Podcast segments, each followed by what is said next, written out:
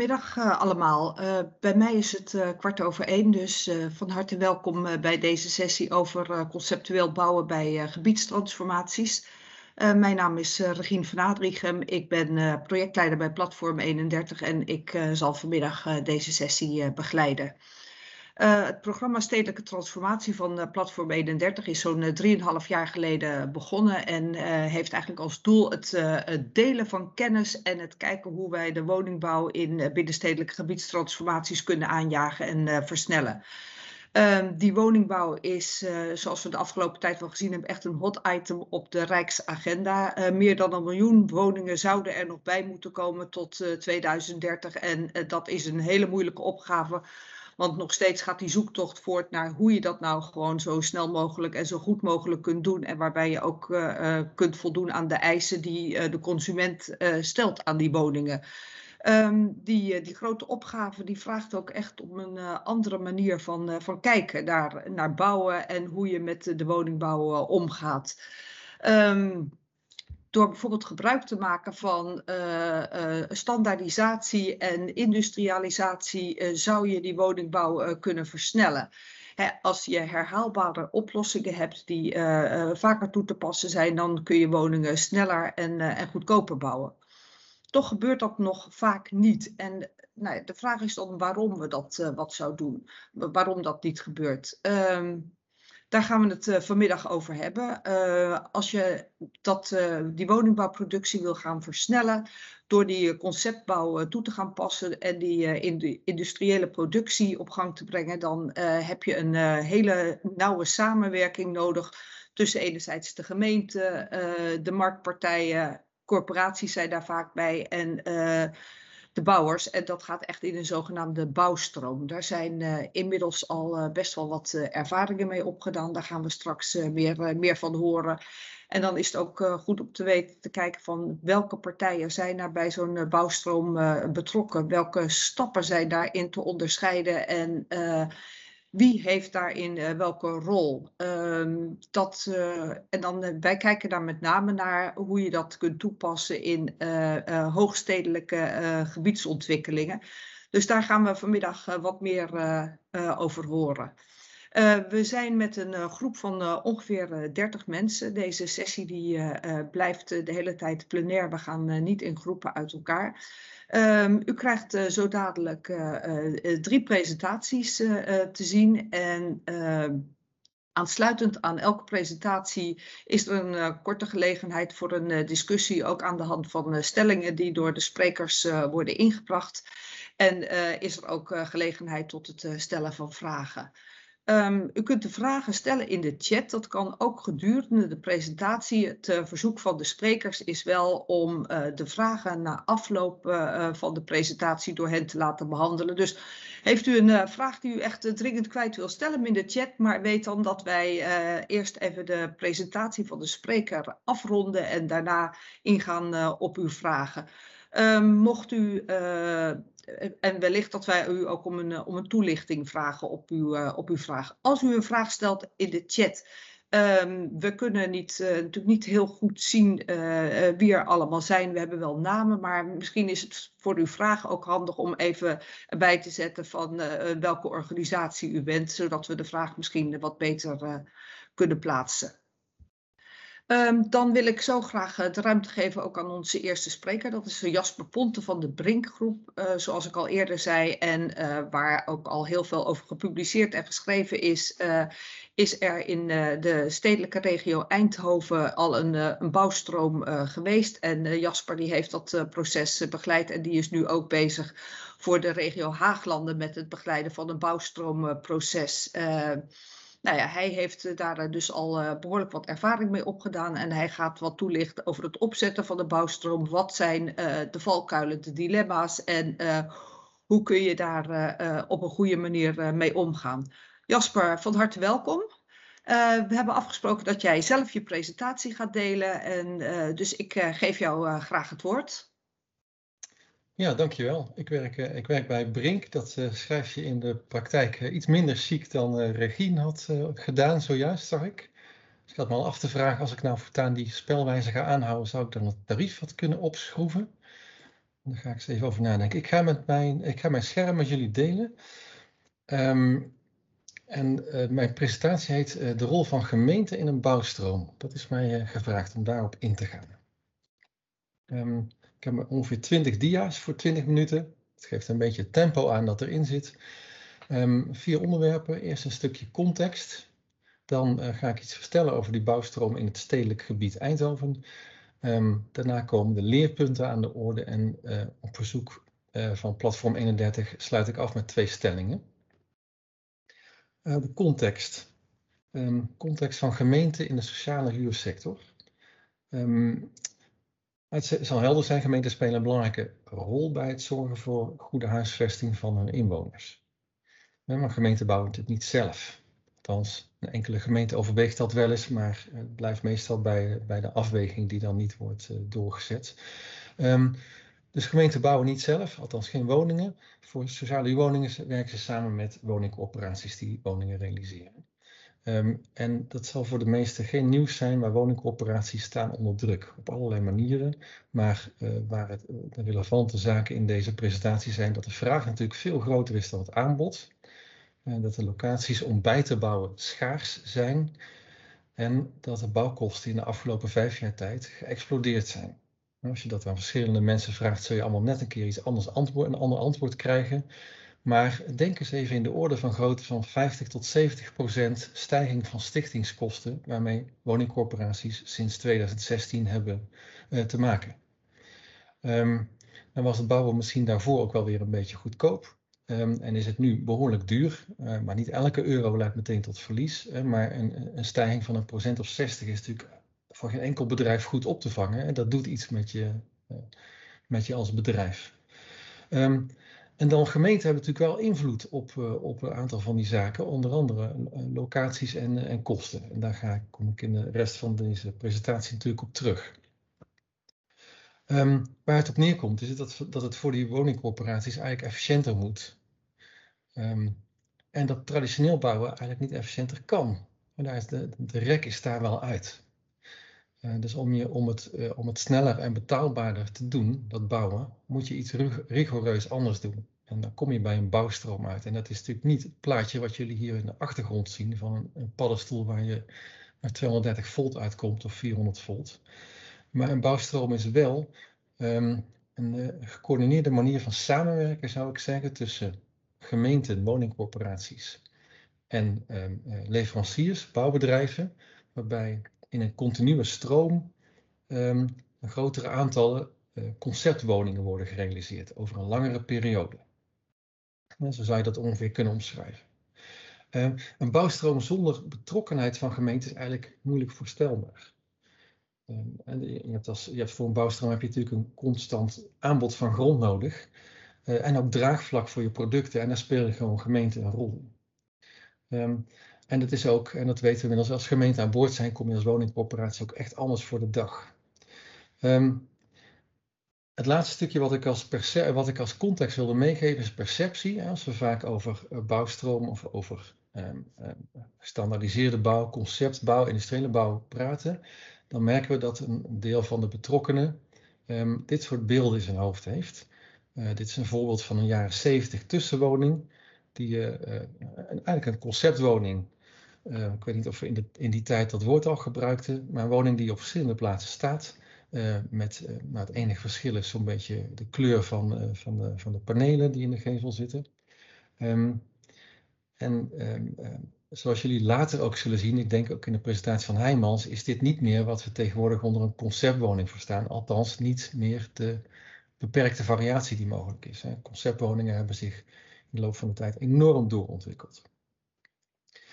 Goed, dat wilde ik even vooraf uh, met jullie delen dan. Wat hebben we dan in het stedelijk gebied Eindhoven gedaan? Um, de opstartfase, gezamenlijk initiatief van 13 woningcorporaties en 9 gemeenten. De grootste van die woningcorporaties was Woonbedrijf met 30.000 wooneenheden. En de grootste gemeente was de gemeente Eindhoven. Um, we hebben een gezamenlijke doelstelling gedefinieerd. Die uh, behandel ik op de volgende dia. Um, ze hebben ook afgesproken dat alle kosten die ze extern zouden gaan maken voor die bouwstroom, dat ze die gezamenlijk zouden betalen kosten in de voorbereiding uiteraard, hè, want eh, voor de woningen dat zit natuurlijk anders. ze hebben twee sporen afgesproken. En het eerste spoor dat ging vooral over procesinnovatie. En daar is naderhand het label bouwstroom opgeplakt, hè, maar dan gaat het over inkoopsamenwerking. Um, en het tweede spoor, en dat is nog niet begonnen, dan, gaat het van, dan wordt die procesinnovatie, die bouwstroom, wordt ook gekoppeld aan productinnovatie. Maar de eerste stap, het eerste spoor was procesinnovatie, gezamenlijk inkopen. En ze hadden vastgesteld uh, twee woningtypen. Uh, en daarbij hebben ze zich uh, vastgehouden aan de woonstandaard van het netwerk conceptueel bouwen. Um, en uh, dan gaat het specifiek over PMC2 en PMC7. PMC staat voor product-marktcombinatie. En 2 en 7, dat zijn respectievelijk de, de 1 en 2 persoonshuishoudens grondgebonden en 1 en 2 persoonshuishoudens gestapeld. En het ging over conceptwoningen, dat had men ook vastgesteld. En dus woningen die al doorontwikkeld zijn door leveranciers en al vaker in ongeveer dezelfde vorm worden gebouwd, zijn gebouwd. De doelstelling was um, door coördinatie en vraagbundeling en vraagharmonisatie, kom ik dadelijk allemaal even op terug, de betaalbaarheid van sociale huurwoningen verbeteren en de snelheid waarmee die woningen worden gerealiseerd verhogen. Dus het doel was betaalbaarheid en snelheid. En hoe gingen we dat doen? Ik sta vooral even stil bij die vraagbundeling en vraagharmonisatie. Vraagbundeling is dus meerdere corporaties die gezamenlijk een contract aangaan, dus die een, een volume, een vraag uh, gezamenlijk naar de markt brengen. En vraagharmonisatie betekent dat die vraag uh, gelijk wordt getrokken. Dus niet elke corporatie zijn eigen woning, maar één gezamenlijke woning. Um, wat hebben we dan aanbesteed? Ja, overeenkomsten. Uh, raamovereenkomsten die in het geval van het stedelijk gebied Eindhoven de woningcorporaties een afnamerecht geven, maar geen afnameplicht. Het gaat overigens over twee keer 500 woningen daar. In, uh, waarom raak ik nu? Uh, zien jullie mijn scherm nog? In mij gebeurde er namelijk iets. Als ik niks hoor, ga ik gewoon door. Het gaat goed, Jasper. We kunnen jouw scherm nog zien. Ja, mijn scherm verspringt allemaal. Um, raamovereenkomsten geven woningcorporaties een afnamerecht, maar geen afnameverplichting. Um, daarbij past wel even de kanttekening af, als dat blijft natuurlijk niet eindeloos goed gaan. Hè. We waren de eerste, dat geeft je een andere positie. Partijen willen daarbij zijn, maar, na, maar naarmate er meer corporaties een afnameverplichting voor henzelf zullen aanbesteden, wordt het in de markt zetten van een afnamerecht natuurlijk minder interessant voor de markt. En we hebben een looptijd, uh, we hebben raamovereenkomsten aanbesteed met een looptijd van drie jaar. Uh, de uitvoering onder die raamovereenkomsten kan maar wat langer duren. Maar de, de, opdrachten moeten binnen die drie jaar geplaatst worden. Uit die raamovereenkomsten komen aannemingsovereenkomsten voort. en wat even goed is te vermelden, de gemeente is daarin, daarin geen contractpartij. De gemeenten zijn wel enorm betrokken bij de bouwstroom. Maar uiteindelijk de raamovereenkomsten en de aannemingsovereenkomsten, dat is iets tussen leveranciers, bouwbedrijven en woningcorporaties. Hoe hebben we dat georganiseerd? um, er is hier er is een plenair overleg, daar zaten alle wethouders wonen in en alle corporatiebestuurders. Troffen elkaar ongeveer één keer in het half jaar, uh, soms iets vaker. Daarnaast was er een stuurgroep die was samengesteld uit een afvaardiging van dat plenair overleg. Dus een paar wethouders en een paar corporatiebestuurders. We hadden maandelijks overleg Daaronder uh, voerde een werkgroep alle werkzaamheden uit, inclusief de grootste klus, de aanbesteding zelf. Die werkgroep bestond uit uh, managers vastgoedontwikkeling en beleidsambtenaren. Um, en daar zat ik zelf als ex externe adviseur in. Overigens hadden ze me ook aan die stuurgroep en plenair overleg toegevoegd. En in de uitvoeringsfase is daar ook een coördinatieteam aan toegevoegd. Uh, dat bestaat uit één of twee inkopers, wat projectleiders en nog een beleidsambtenaar die zorgen ervoor, en dan ga ik even doorklikken, dat op programmaniveau, want daar hebben we het over, dat op programmaniveau die uitvoering ook uh, uh, nou, gelijk getrokken blijft worden. naast dat programmaniveau heb je natuurlijk ook gewoon een projectniveau. dus op het moment dat die raamovereenkomst geplaatst is, gaan woningcorporaties en gemeenten op een concrete locatie die ingekochte woningen projecteren, ontwerpen, realiseren. Um, en uh, dat moet blijven worden gecoördineerd, omdat je anders natuurlijk uh, ongewilde precedenten zou kunnen scheppen voor andere partijen die deelnemen. We hebben deze keuze, deze uitleg al gegeven, uh, anderen is het daar niet mee eens. Hè. Dus je moet dat wel blijven coördineren. maar zo hebben we het georganiseerd. Wat voor tijdspad hing daaraan? Het initiatief dateert van begin 2019. Uh, dat heeft, uh, zoals dat vaker is, even wat langere, rustige aanloop. Maar in het najaar van 2019 is een werkgroep gestart. En toen was ook de stuurgroep uiteraard operationeel. En toen hebben we ongeveer een half jaar nodig gehad om te starten met een selectiefase. Wel een openbare selectiefase overigens. Dat is natuurlijk voor corporaties als private partijen wel bijzonder. 4 juni start van de selectiefase en op 30 oktober hebben we inschrijvingen ontvangen. Dat hebben we toen in een best straf tempo gedaan, want er zat ook nog de zomerperiode natuurlijk tussen. Eind november voorlopig gunningbesluit. Raamovereenkomsten zijn getekend in februari. En de laatste berichten die ik kreeg was dat de start van de realisatie van de eerste woningen in het vierde kwartaal gaat plaatsvinden. Um, wat ontzettend belangrijk was en waar we veel aandacht aan hebben besteed is uh, draagvlak en voorlichting. Dat hebben we verschillende momenten gedaan. Een eerste was dat we de media hebben geïnformeerd. Um, ehm, ED staat hier overigens voor Eindhovens Dagblad. Um, dat hebben we gedaan bij de start van de selectiefase, toen we naar de markt gingen. Uh, daarna hebben we met alle bouwbedrijven die in de race waren, in de gunningfase, dus ook de partijen die uiteindelijk niet hebben gewonnen, hebben we een, uh, een online e-, evenement georganiseerd voor alle geïnteresseerde ambtenaren en corporatiemedewerkers ons te informeren over de producten, over de mogelijkheden, onmogelijkheden, over de aanpak. Um, daarna hebben we met de winnende bouwbedrijven, dat waren in het geval van het stedelijk gebied Eindhoven, waren dat Heijmans en uh, BAM, hebben we um, uh, nog een aparte sessie gehouden om de, dus de bestuurders te informeren. Um, toen we de uitslag van de aanbesteding bekend maakten, hebben we opnieuw dat uh, deels ook de media benaderd. Hè. Er zijn toen weer wat artikelen verschenen. En toen het allemaal in kan en kruiken was, hebben we nog een keer zo'n soortgelijke sessie als we in het tweede balkje hebben gedaan voor alle ambtenaren en corporatiemedewerkers. Alleen in dit geval waren alleen nog de twee winnende bouwbedrijven daarbij betrokken. Wat hebben we ervan geleerd? Even kijken of ik een beetje op schema zit. Ja, dat lijkt goed te gaan. Um, in algemene zin, met conceptwoningen is heel veel variatie mogelijk. Daar waren al veel mensen zich al wel van bewust. Uh, maar de markt stelde ons uh, uh, zeker niet teleur. We werden her en der ook echt verrast nog. marktpartijen blijken ook veel interesse te hebben in bouwstromen. je krijgt echt veel partijen die mee willen doen, die de, die opdrachten in de wacht willen slepen. We hebben ook geleerd dat een bouwstroom financieel echt lonend is. daar is um, als je dat als je rekening houdt met de spelregels zoals die binnen een leverancier of een bouwbedrijf gelden, uh, dan uh, is daar financiële winst te halen. En die financiële winst die wordt in ieder geval voor een gedeelte ook met jou gedeeld. Hè? Dus je koopt wat scherper in. Um, wat heel belangrijk is, is het bestuurlijke draagvlak. Um, en dat bestuurlijke draagvlak, um, uh, dat moet worden gecombineerd met de nodige energie van die bestuurders om draagvlak en veranderingsbereidheid te creëren. Um, dat geldt aan de gemeentekant en aan de corporatiekant, want je gaat van een uniek product maken, ontwikkelen, naar het inkopen van een concept. En dat vraagt een andere benaderingswijze, andere werkwijze en mensen moeten daarin mee. En moeten soms ook bezwaren, aarzeling overwinnen. Um, en dat lukt wel, maar dat vraagt wel uh, aandacht.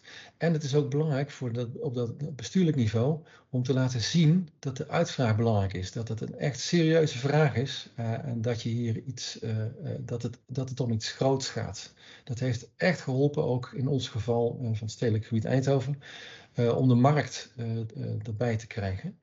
Um, en ehm, ehm, ja, dat, hadden we gewoon, dat hebben we gewoon goed gedaan wat dat betreft, ons goed gerealiseerd, en die bestuurders met name. Um, het is belangrijk om te zorgen voor de juiste communicatie en framing van of over het product. Um, we hadden in Eindhoven uh, de illustere naam standaard sociale huurwoning bedacht. En dat bleek achteraf gezien een uh, verkeerde zet.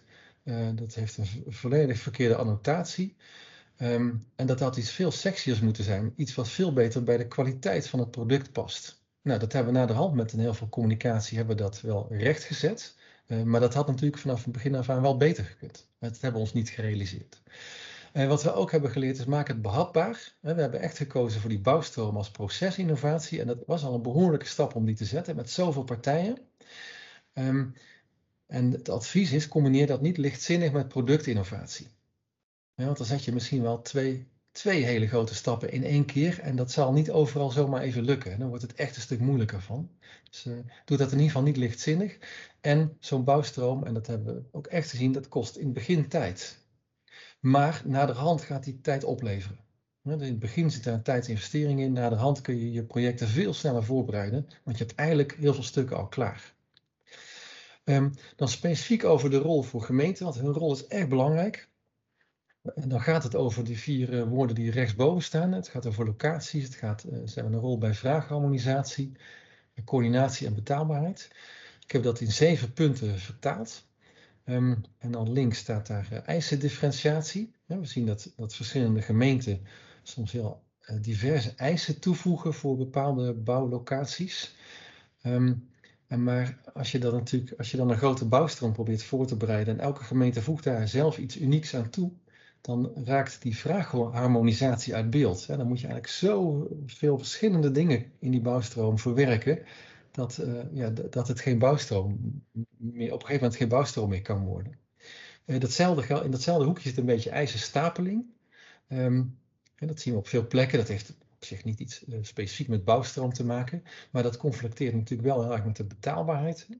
En we zien dat het, dat het bouwbesluit, zeker met de invoering van BENG, per 1 januari, dat dat al op zo'n ongelooflijk hoog niveau ligt. Uh, maar je ziet dat er toch nog weer her en der uh, eisen bijkomen op specifieke locaties. En dat is eigenlijk met dat huidige prijsniveau voor corporaties gewoon niet meer te doen. Hè. Dat is voor middeldure huur en dure huur. En de koopsector is dat, is dat anders dan voor sociale huur. Um, verder kun je natuurlijk bestemmingsplannen die nog moeten worden aangepast afstemmen op gecontracteerde producten. Nou, als je samenwerkt heb je die mogelijkheid. Uh, verder is het om een gelijkmatige stroom van projecten te kunnen uh, bewerkstelligen. Um, ja, zullen, zal ook de voorbereiding, hè, in de zin van procedures, ruimtelijke ordeningsprocedures, dat, dat moet op de juiste, in de juiste volgorde worden geprioriteerd. Zodat je niet, laten we zeggen, allemaal locaties hebt in de eerste helft van 2024 die vrijkomen en in de tweede helft van het jaar eigenlijk helemaal niets, omdat je, ja, je bent maar willekeurig wat gaan doen. Um, we zien verder dat, dat het ook mogelijk is om uh, omgevingsvergunningen, om dat proces efficiënter te doorlopen als je van die uh, conceptwoningen uitgaat. Ik denk dat de laatste presentatie daar ook deels over gaat. Um, verder hebben gemeenten en corporaties elkaar nodig om misvattingen over en weerstand tegen standaardisatie te voorkomen en weg te nemen. En als je met elkaar in gesprek bent, lukt dat. En als laatste, en dat staat op zich natuurlijk ook los van, een beetje los van bouwclaims, dat is een groter probleem, uh, van de bouwstromen, dat is een groter probleem, dat zijn de bouwclaims. Hè, een, uh, een, claim van een ontwikkelaar, uh, die, wat is afgesproken in, een bepaalde setting, ja, dat drijft de kosten natuurlijk sowieso heel erg op. Maar als um, aannemer Pietje sowieso de woning ergens mag bouwen, dan is die locatie waar die dat mag bouwen, die is die eigenlijk niet meer geschikt om mee te nemen in de bouwstroom waar je een nieuw inkooptraject ingaat. Um, dan even die, uh, hoe zou je dat nou qua overeenkomsten moeten aanpak aanpakken? Dit hebben we niet allemaal gedaan in het stedelijk gebied Eindhoven, maar de regio Haaglanden gaan we het wel allemaal zo doen, waar we inmiddels bezig zijn. En je ziet eigenlijk op de horizontale bovenste as zie je, de, de vier of vijf, zie je vijf fases die kenmerkend zijn voor, voor inkoopprocessen. En dan heb ik de eerste, de initiatief- en opstartfase, die heb ik eigenlijk toegevoegd aan de, de, normale indeling die in de inkoopwereld wordt gehanteerd. En op de, de verticale as links zie je de verschillende relaties. Hè? De woningcorporaties onderling, relatie woningcorporatie gemeente en de relatie woningcorporatie leveranciers. En wat je eigenlijk doet in die initiatief- of opstartfase, dan ga je tussen de corporaties onderling en de woningcorporaties en de gemeente, dan sluit je een intentieovereenkomst. Dat is geen wet van meden en persen. Je kan het ook zonder. Um, maar het is niet onlogisch om het wel te doen. Dan de fase van het voortraject, dat is de, nou, de echte voorbereiding van het traject. Dan, um, ja, die mondt normaal gesproken uit in een samenwerkingsovereenkomst. Ja, ook weer tussen diezelfde twee uh, groepen, hè, dus tussen de woningcorporaties onderling en de gemeente en de woningcorporaties. Dan krijg je de aanbesteding, die resulteert in een raamovereenkomst tussen de woningcorporaties en de leveranciers. En in de uitvoeringsfase komt daar een komen naar meerdere aannemingsovereenkomsten. Ik zie dat ik daar een typfout heb gemaakt. Uh, aannemingsovereenkomsten tussen woningcorporaties en leveranciers uit voort. Ik ben bijna door mijn uh, presentatie heen. Um, qua organisatie zouden we denk ik inmiddels iets anders hebben gedaan dan hoe we dat in het stedelijk gebied Eindhoven hebben gedaan. Dat heb ik hier geschematiseerd. Dat plenaire overleg en de stuurgroep die blijven gewoon staan.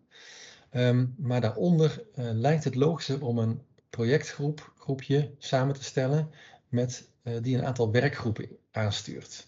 In Eindhoven hebben we dat allemaal, uh, al die werkgroepen, ook die thema's hè, die jullie daar zien staan, inkoop, locaties, procedures, communicatie, hebben we allemaal in één groep behandeld.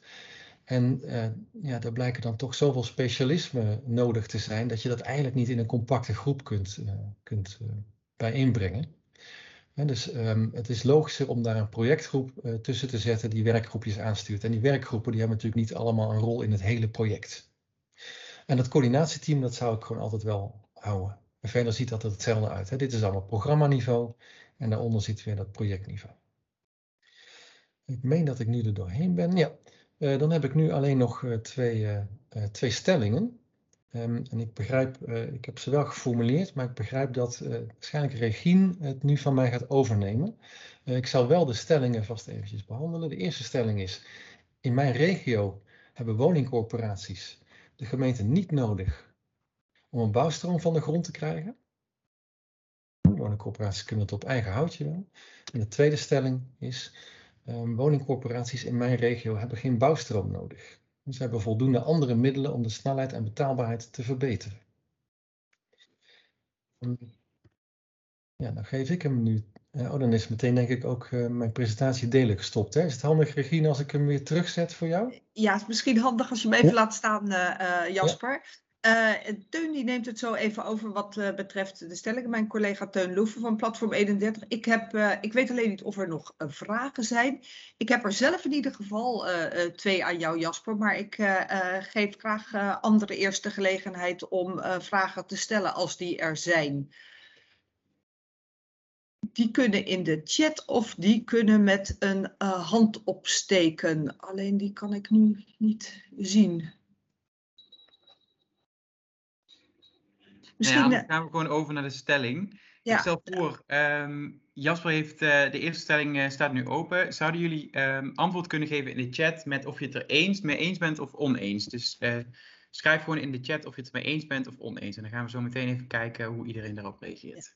Jasper, mag ik in de tussentijd nog even één, uh, uh, één vraag aan jou stellen? Want uh, jij zei van bij de communicatie en de framing zijn jullie erachter gekomen dat standaard sociale huurwoning sexier moest worden. Wat is het geworden uiteindelijk?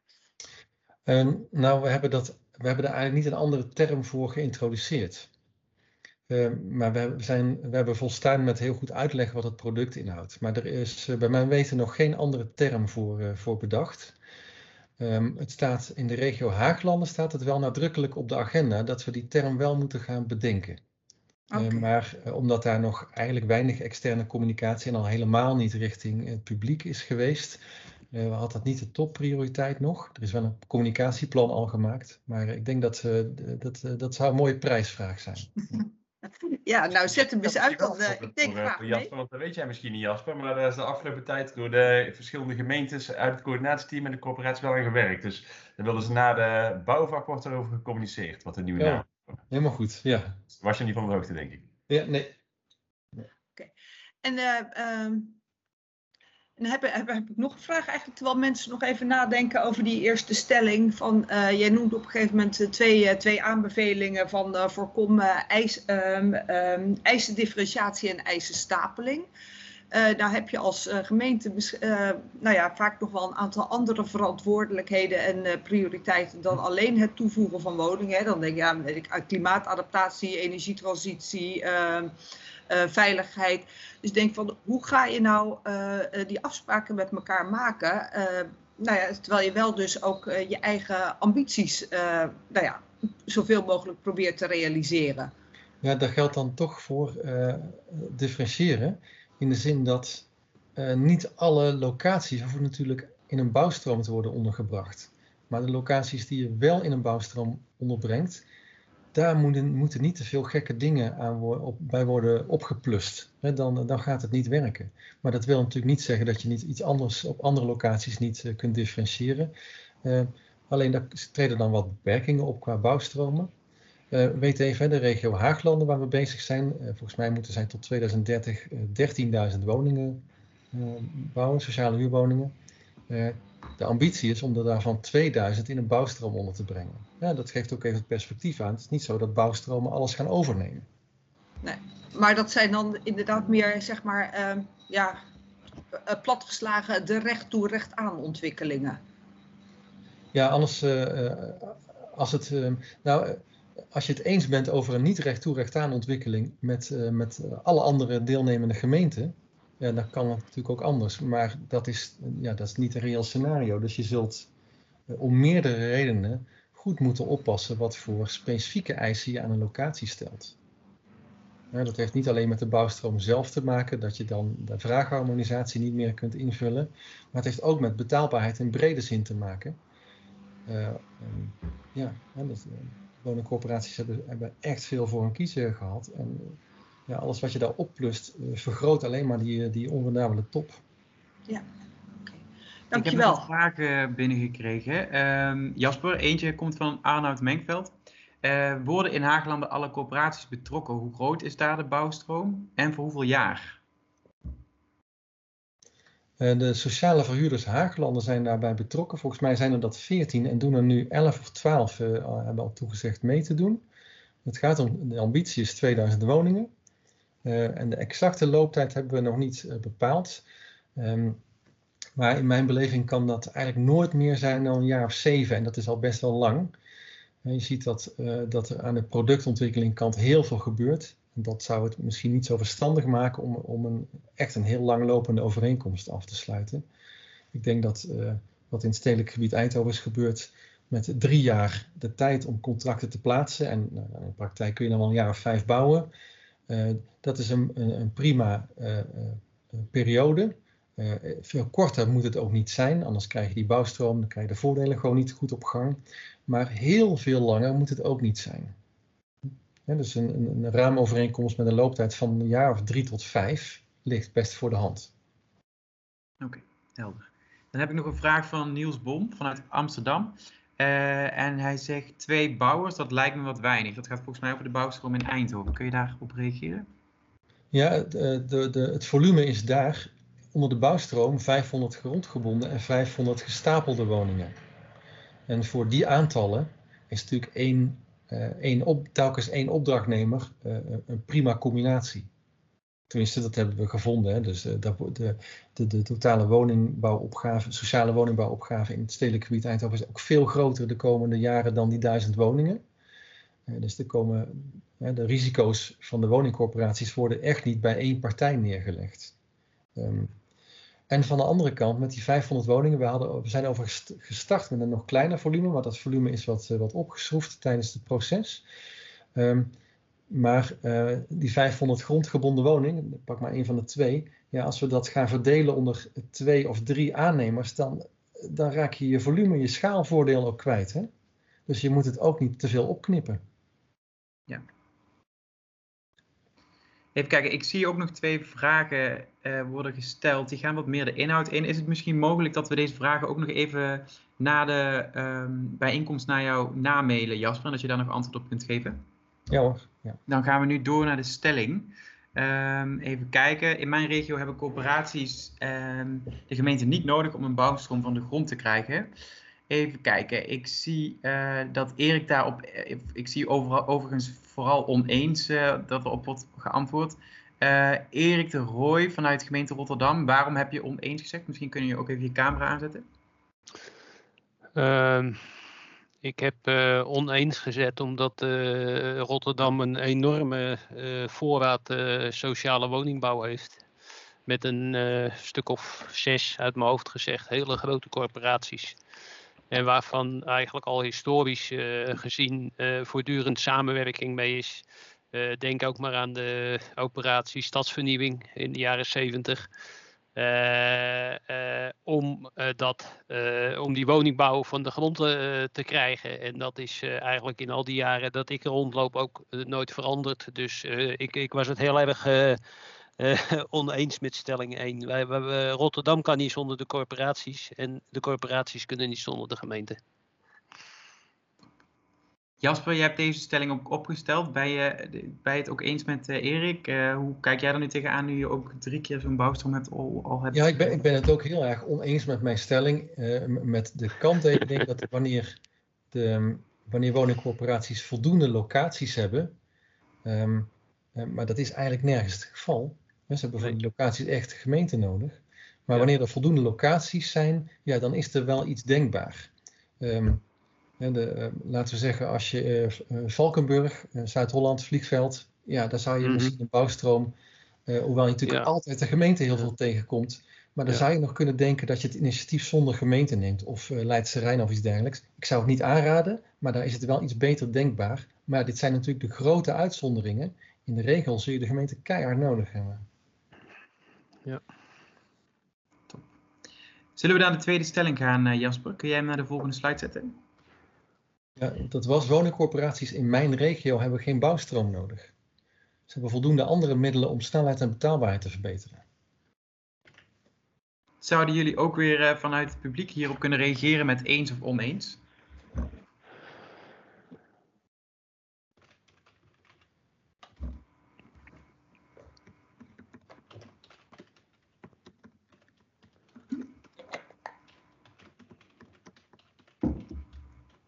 Misschien kunnen we in de tussentijd ook nog even een vraag beantwoorden van Miranda van Deutenkom.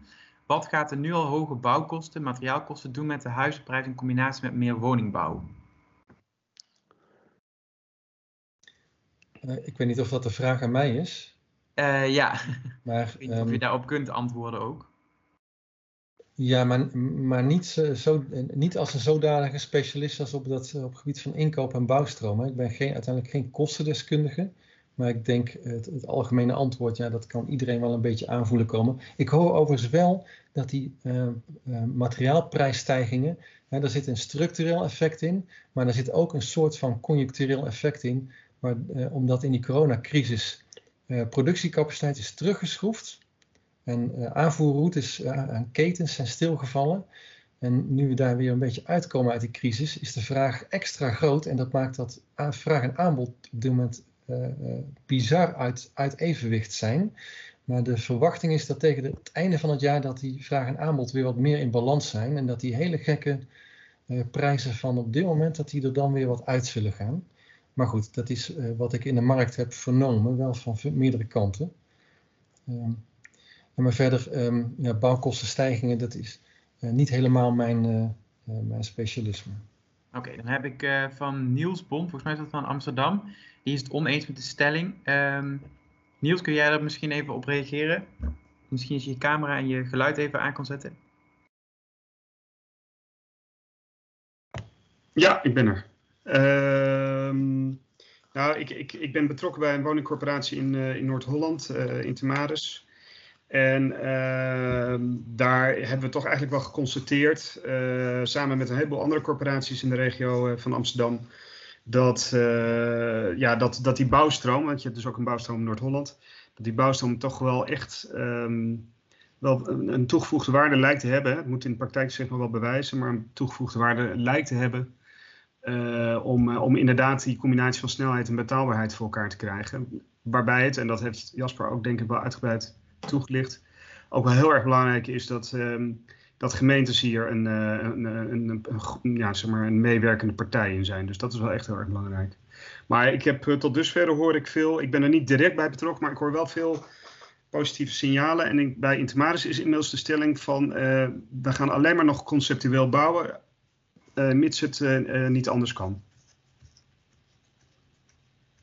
Jasper, hoe reageer jij daarop? ja, meteen al voordat je mij de vraag stelde, was ik al aan het knikken. Ik vind dat vanuit een woningcorporatie gezien een heel logische keuze. Conceptueel bouwen tenzij. Ja. ja. Nou. Ik mooi. vind ook um, misschien nog eventjes. Uh, er werd ook door iemand, even kijken hoor, of ik nou de naam nog kan vinden, door uh, Arnoud Menkveld ook gezegd van één corporatie. En dan neem ik aan dat het gaat over een grote corporatie. Die kan ook door bundeling van eigen projecten een mini-bouwstroom opzetten. Dat, uh, wat, eh, wat vind je daarvan, Jasper? Uh, ja, eens. Als je volume uh, groot genoeg is, kan je het ook in je eentje doen. Um, Ja, dus daar heb ik ook niks, op, uh, niks tegen in te brengen. Uh, Het is wel zo dat, dat een grote corporatie vaak de kleintjes enorm kan helpen om met z'n allen een volume te creëren. Hè, waarbij die kleintjes dat ook met de samenwerking dat dan niet voor elkaar krijgen, maar samen met die grote wel.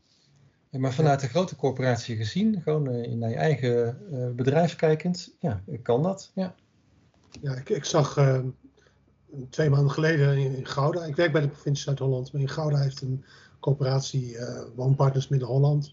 Die liep wat langzaam met de herstructurering van een wijk met vijf kleine locaties. En die hebben door fijn wonen van Van Wijnen in te schakelen, maken ze ook gewoon snelheid in die wijkontwikkeling. Dus maken ze het ook af, zeg maar. Dus dat was, het geeft ook snelheid. Nou, ik, ik ken het project, want dat, dat heb ik gedaan. Ja. ja. Oké. Um, ik wil uh, dit onderdeel um, uh, afronden. Jasper, heel erg uh, bedankt. Ik weet niet of jij nog blijft de rest van de sessie. Dus mochten er nog vragen zijn, dan meng, je, ja. me, meng, je daar, meng je daarbij. Um, ik stel voor dat we even vijf minuten pauze houden om even iets te drinken te pakken of andere noodzakelijke dingen te doen. En dat we elkaar om nou, één minuut over twee weer terugzien voor, voor de volgende presentatie. Dus tot, tot zo meteen.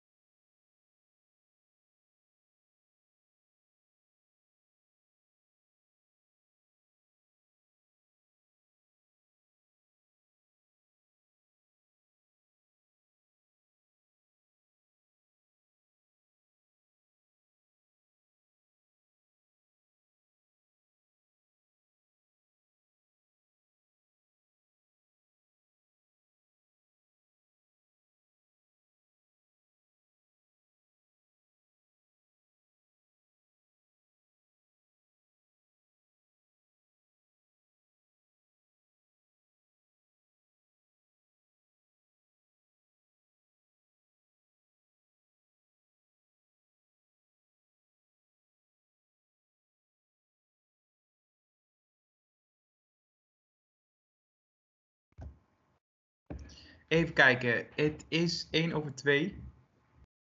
Regine had de camera ook al aangezet. Um, we geven, ik geef het woord nu aan Niels van Heijmans. Hij heeft ook uh, antwoord gegeven op de bouwstroom in uh, Eindhoven en uh, hij gaat zijn presentatie en gaat zijn verhaal doen. Ja, dankjewel Tuin. ik zal even mijn scherm delen. Doordat ik goed verstaanbaar ben, ik zit op een andere computer, dus als er iets technisch misgaat, dan mag, mag ik het woord aan jou even geven, Teun, toch? Om even op de vingers te tikken dan. Ja, prima. Hartstikke goed. Uh, ja, uh, ik stel me even voor. Niels Struiken van, van Heijmans. Alweer twaalf jaar in dienst bij, bij Heijmans. En in die twaalf jaar altijd met woningbouw en vooral woningbouw voor corporaties bezig geweest. In Zeeland, Brabant en Limburg. Um, en sinds begin van het jaar dus geselecteerd, mede geselecteerd, ook naast de BAM.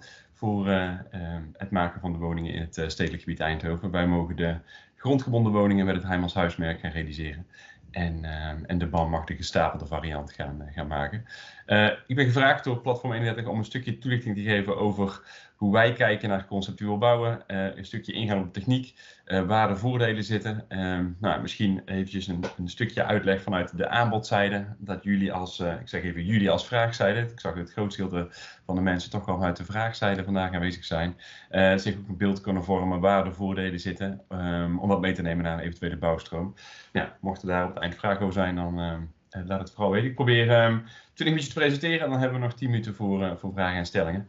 Um, en uh, nou, dat moet vast lukken.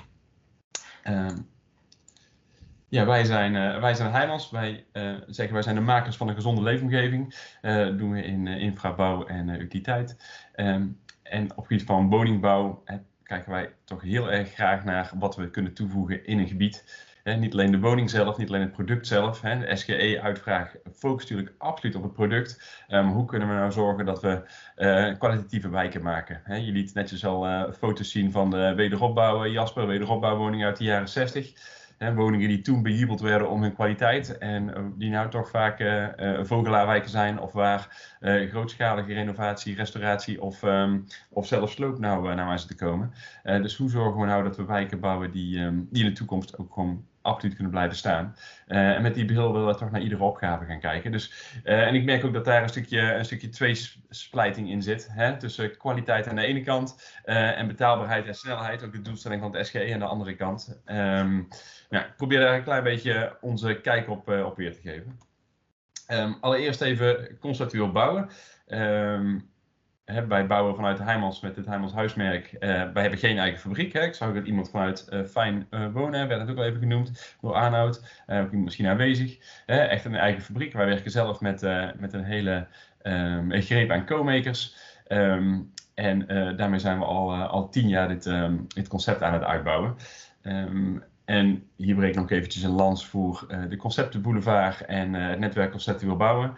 Uh, daar staan wij ook op, samen met hele vele anderen. En het is toch het, eh, het netwerk dat elkaar bij elkaar brengt. Um, en waar wij proberen, en eh, de corporatie aan de andere kant, om een soort gulden middenweg te creëren. Um, en Jasper heeft dat heel mooi verwoord in de term vraagharmonisatie met alle PCM's, PMC's, productmarktcombinaties. Um, en ik denk dat het um, voor een aantal uh, van jullie misschien is goed om uh, de conceptenboulevard in de gaten te houden, omdat daar toch wel heel veel ontwikkelingen uh, en heel veel nieuwe concepten beschikbaar komen. Um, even een toelichting, geef een toelichting over het SGE, hoe wij als Heimans daar antwoord op gegeven hebben ik kreeg van Platform 31 ook de vraag van, kun je wat uh, referentiebeelden laten zien? Hè? Want uh, uh, het zijn niet meer de woningen van, van de jaren 60, maar laat dat dan eens zien. en wat betekent dat voor, voor variatie?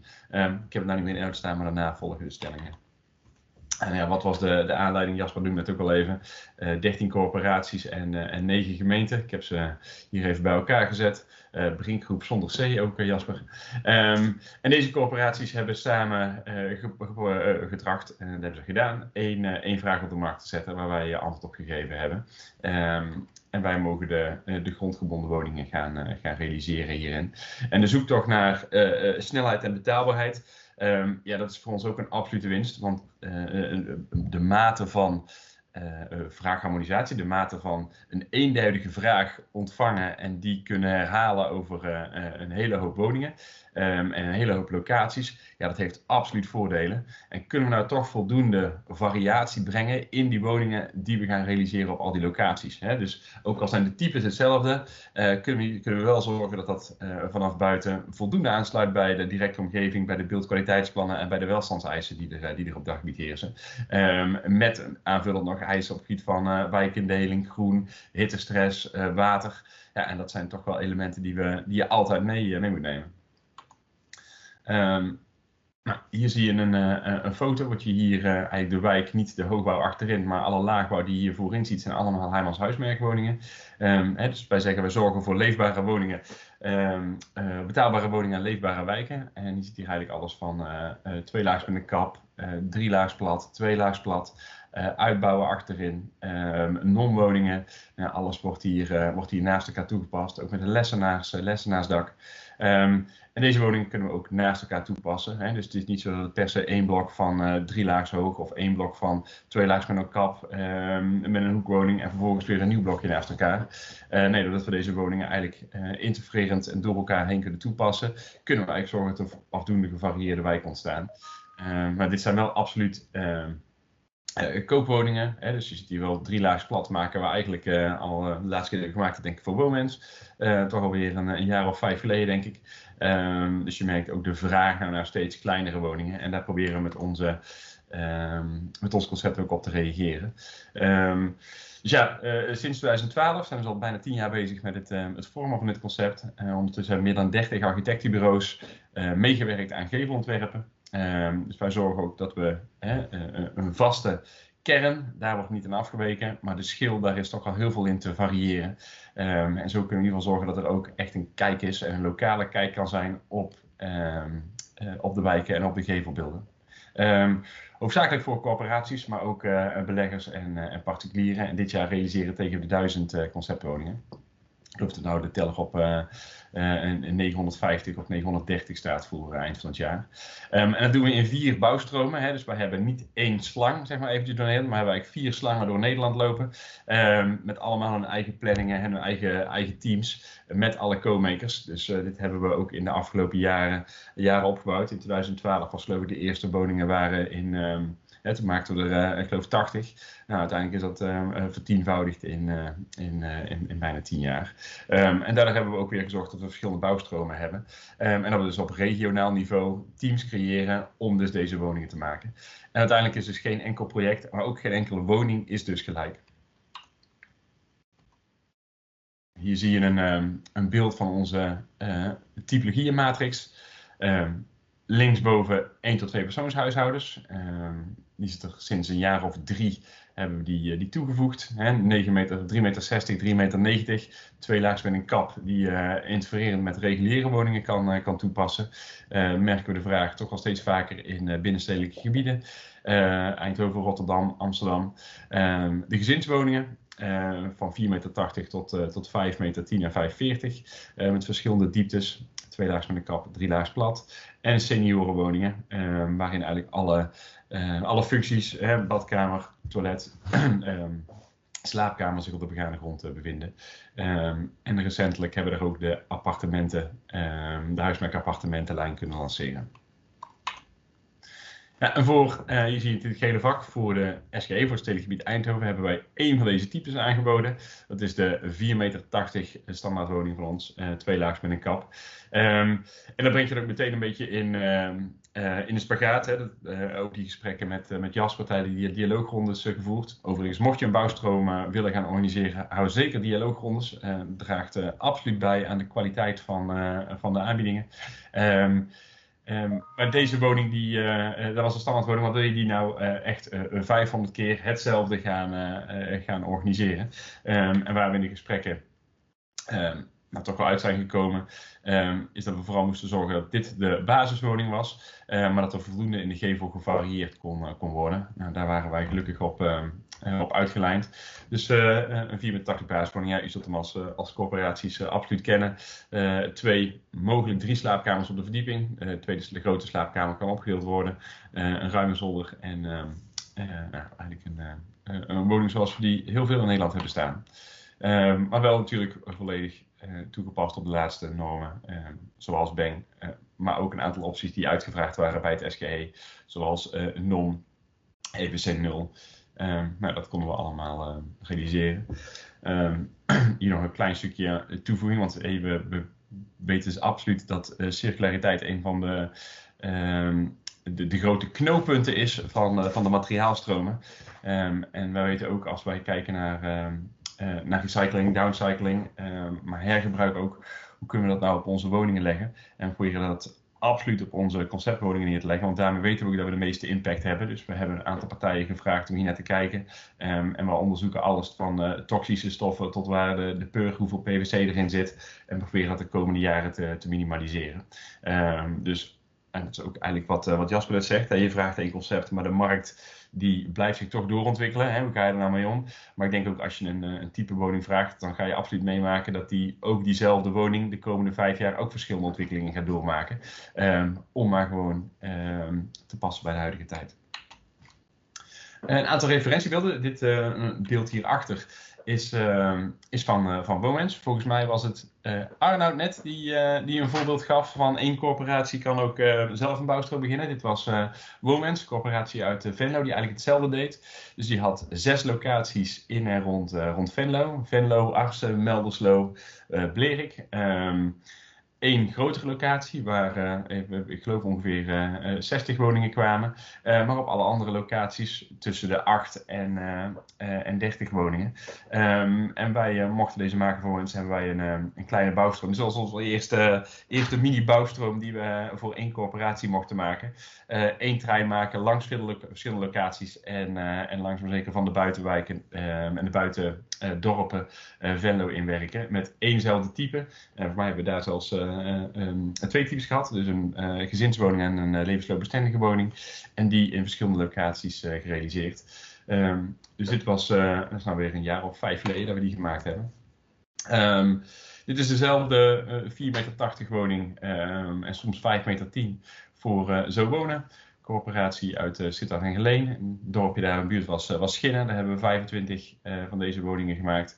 Nou, je ziet al meteen, hè, als je wat langere rijen hebt, Uh, dus toch een rij van, uh, ik geloof, 13 woningen.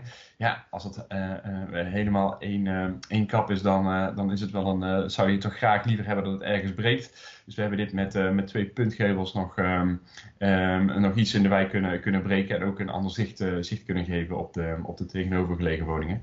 Um, en je merkt dat dat ook wel een beetje conflict is. Hè? Van hoe voeg ik zoveel mogelijk standaard toe? En hoe pak ik, pas ik nou heel structureel en heel een locatiegebonden variatie toe om het goed te laten aansluiten. Deze woningen zijn alweer ouder, die zijn alweer Um, uit een van de eerdere jaren dat we het huismerk op, opgestart waren. Hier hebben we 30 woningen in uh, Best gemaakt voor, uh, voor corporatie thuis. Um, en uh, nou, ook hier, hè, dus, dit is, zijn echt beelden van de standaard SGE-woning, 4,80 meter, twee laags met een kap. Ja, we zijn natuurlijk absoluut op zoek. Ja, wij begrijpen ook dat er verschillende corporaties zijn die toch wel de wens hebben om wat meer levensloopbestendig of wat meer 1 tot 2 persoons huishoudens te maken. Um, dus de stap die wij vrij snel gemaakt hebben is om onze huismerklijn open te gooien voor de, was na contractvorming, open te gooien voor uh, um, de corporaties uit het uh, stedelijk gebied Eindhoven. En zeggen, ja, wij hebben een, een bibliotheek uh, in de bibliotheek zijn allerlei mogelijke variaties van hoe uh, een puntgevel gemaakt wordt, hoe um, bakstenen gemaakt, uh, hoe stenen worden toegepast, hoe kozijnen worden toegepast, hoe verschillende messenwerkvariaties worden toegepast. Um, doe dat nou niet overal. Hè. Kies heel doelbewust om die betaalbaarheid en die snelheid erin te houden. Ga van die standaard uit, maar kijk of je uh, kleine variaties kan doen uit onze basisbibliotheek. Um, en zo toch die snelheid erin kan houden. Dat we gewoon onze standaarden kunnen, hè, standaard details, standaard uh, massa's kunnen, kunnen vasthouden. En vervolgens is er een brede keuze mogelijk hè, op gebied van zijentrees, gevelsprongen, um, profilering, indelingsvariaties. Um, maar daarvoor, hè, uit die bibliotheek, hebben wij zelf al een aantal basisvariaties gehaald. Waarmee een corporatie prijsonafhankelijk al wat keuzes kon maken. Um, als ze echt zeiden wij willen betaalbaarheid staat voor ons absoluut bovenaan. Dat hebben we ook afgesproken met, uh, met de gemeente. Um, dat we hier een, een, een keuzepalet hadden gemaakt. Um, daar kon kosteloos uit, uit gekozen worden. om zo in ieder geval aan te sluiten bij, bij het beeldkwaliteitsplan op gebied van stenen, pannen, kozijnen, kleurkozijnen. En dat daarna dus daarnaast nog variaties uh, mogelijk zijn. Nou, SGE vroeg ook verschillende energieconcepten um, waar wij antwoord op konden geven. Dus een warmtenet, individuele um, luchtwaterwarmtepomp of een bodembron. Um, nou, dat altijd uh, vanzelfsprekend aangesloten op de, de BENG-wetgeving. ja, en dan is ook nog zo, de ene corporatie is de andere niet. Dus sommigen hebben ook absoluut partners voor het onderhoud. En ja, voor ons is het wel van belang dat wij een woning afleveren die gewoon door de onderhoudspartners overgeleverd kunnen worden en ook past binnen de asset van de, van de corporatie. Um, dus uh, we gaan ook graag het gesprek hebben met verschillende corporaties. Wat is jullie standaard keukenleverancier of standaard tegelpakket, standaard sanitaire voorzieningen? Um, en zorgen dat we dat, uh, dat kunnen, uh, kunnen opnemen in ons proces. ook al hebben we verschillende corporaties waar we in de trein naartoe gaan, dan maakt een verschillende keukenleverancier ons niet, niet uit. Dus um, nou, hopelijk, we krijgen ook terug dat de corporaties zeggen, ja, we laten het langzaam eigenlijk weer los. Dus dan geven jullie maar aan hem als jullie het liefst mee werken ook goed, vanzelfsprekend kan dat. Maar mochten er wensen zijn, dan willen we die absoluut meenemen. Um, en hier zie je uh, een paar voorbeelden van wijken waar uh, uh, combinaties van koop en, en huur. Dus hier in, in Gorkum en het heel onderaan, zuidelijk zeg ik eventjes, um, aantal, aantal non-woningen, heel veel PV-panelen zie je erop. En uh, iets noordelijker zie je uh, twee kappers, ook een wat uitgebreidere uh, variant met, met dwarskappen. dit kunnen we allemaal met onze, met onze basiswoning gebruiken. Ik liet al eventjes zien, die woningen in, in Schinnen met twee puntgevels. Nou, op de koppen zaten twee rijen van zes woningen. Ehm, door daar dwarskappen toe te voegen ehm, was welstand helemaal gelukkig met, met wat we daar maakten uiteindelijk is het ook een combinatie geworden van levensloopbestendige woningen en, um, en gezinswoningen. Uh, hier in Leidse Rijn Utrecht, combinatie van drie laags plat en uh, twee laags met een kap. Verschillende metselwerkprofileringen um, en uh, metselwerkkleuringen en ook verschillende kozijnafmetingen. Je ziet hier grote kozijnen en vier, in de twee laags kap, vier um, kleine kozijnen op een rij. Ja, dat kunnen we binnen het concept Um, en combineren met de prefab aan de, aan de binnenzijde goed combineren. Als de architecten zich maar aan bepaalde regels houden. Um, en die regels kunnen wij goed communiceren. Hier een voorbeeld van uh, Greenport in Almere. Ook een combinatie van verschillende metselwerken en, uh, en keimerk. Gecombineerd met, uh, met openbaar groen. En hier Forte Eiland in Culemborg. Uh, het zijn wel koopwoningen, maar het geeft een beetje weer wat, wat mogelijk is. Uh, daar heeft de architect absoluut gespeeld met, met messelwerk en, en optoppingen. Ehm, en um, nou, het geeft een beetje beeld wat er, um, wat er toch mogelijk is. En wat we vooral willen laten zien is dat het absoluut geen, uh, geen is. Hè. Toon liet het eventjes zien in de, in de mail. Weer, ondanks dat het een concept is en ondanks dat het dezelfde type woningen zijn, te zorgen dat het vanaf buitenaf eigenlijk absoluut past in de wijk. Hier een um, aantal woningen voor Wonen Zuid in Roermond. 65, combinatie van levensloopbestendig en, um, en eensgezinswoningen. EPV-woningen zijn het ook op de hoogste klassificatie. Gecombineerd met, um, met parkeren in de wijk, openbaar, uh, openbaar gebied, kratten erin. En ja, weer een mooi stukje wijk mogen toevoegen aan, aan Roermond. Maar even de laatste foto's die ik had. Noorderhaven in Zutphen een heel extreem geval van uh, koopwoningen waar uh, de architecten helemaal losgegaan zijn en iedere woning een andere identiteit mocht hebben. Uh, nou, dit maakt gewoon niet heel erg veel meer, moet ik, moet ik bekennen. maar absoluut een opvallend project. maar ook hier geeft even weer wat, wat de mogelijkheden zijn.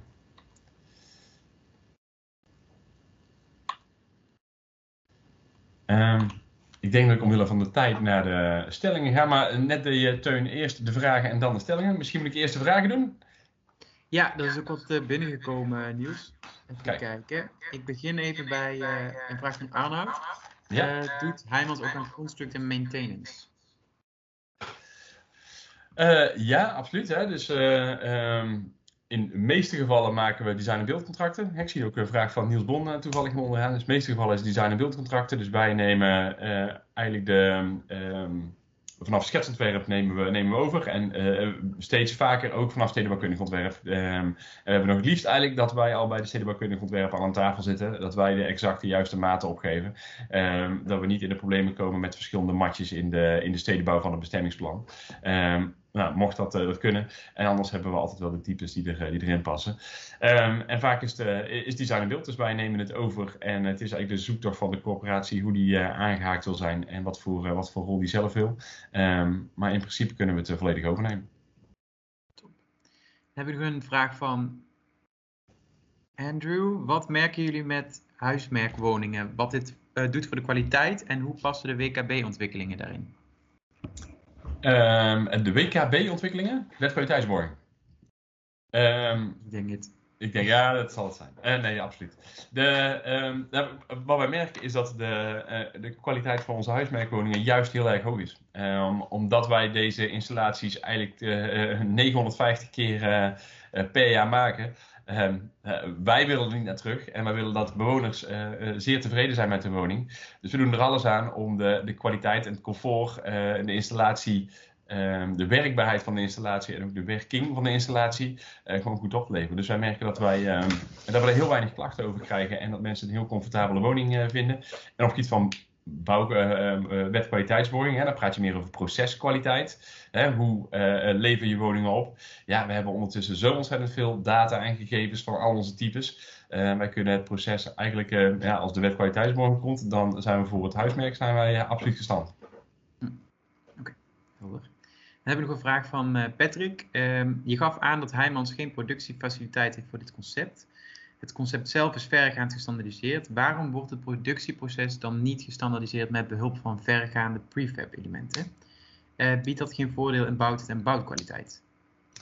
Um, ja, toen wij dit tien jaar geleden startten, um, in 2012 leverden de eerste woning op, dus we waren al een tijdje mee bezig. Um, toen hebben we er heel bewust voor gekozen, hè, in de mate van, uh, als je de line-up van Spectrum hebt, van traditioneel aan de ene kant en industrieel helemaal aan de andere kant. En dan neem ik even de Heimels One als voorbeeld, die gewoon volledig uit de fabriek komt en die wij uh, hè, twee verdiepingen op elkaar zetten, draadjes aan elkaar knopen en uh, ja, binnen een week zijn we weg, zeg ik eventjes voor het gemak.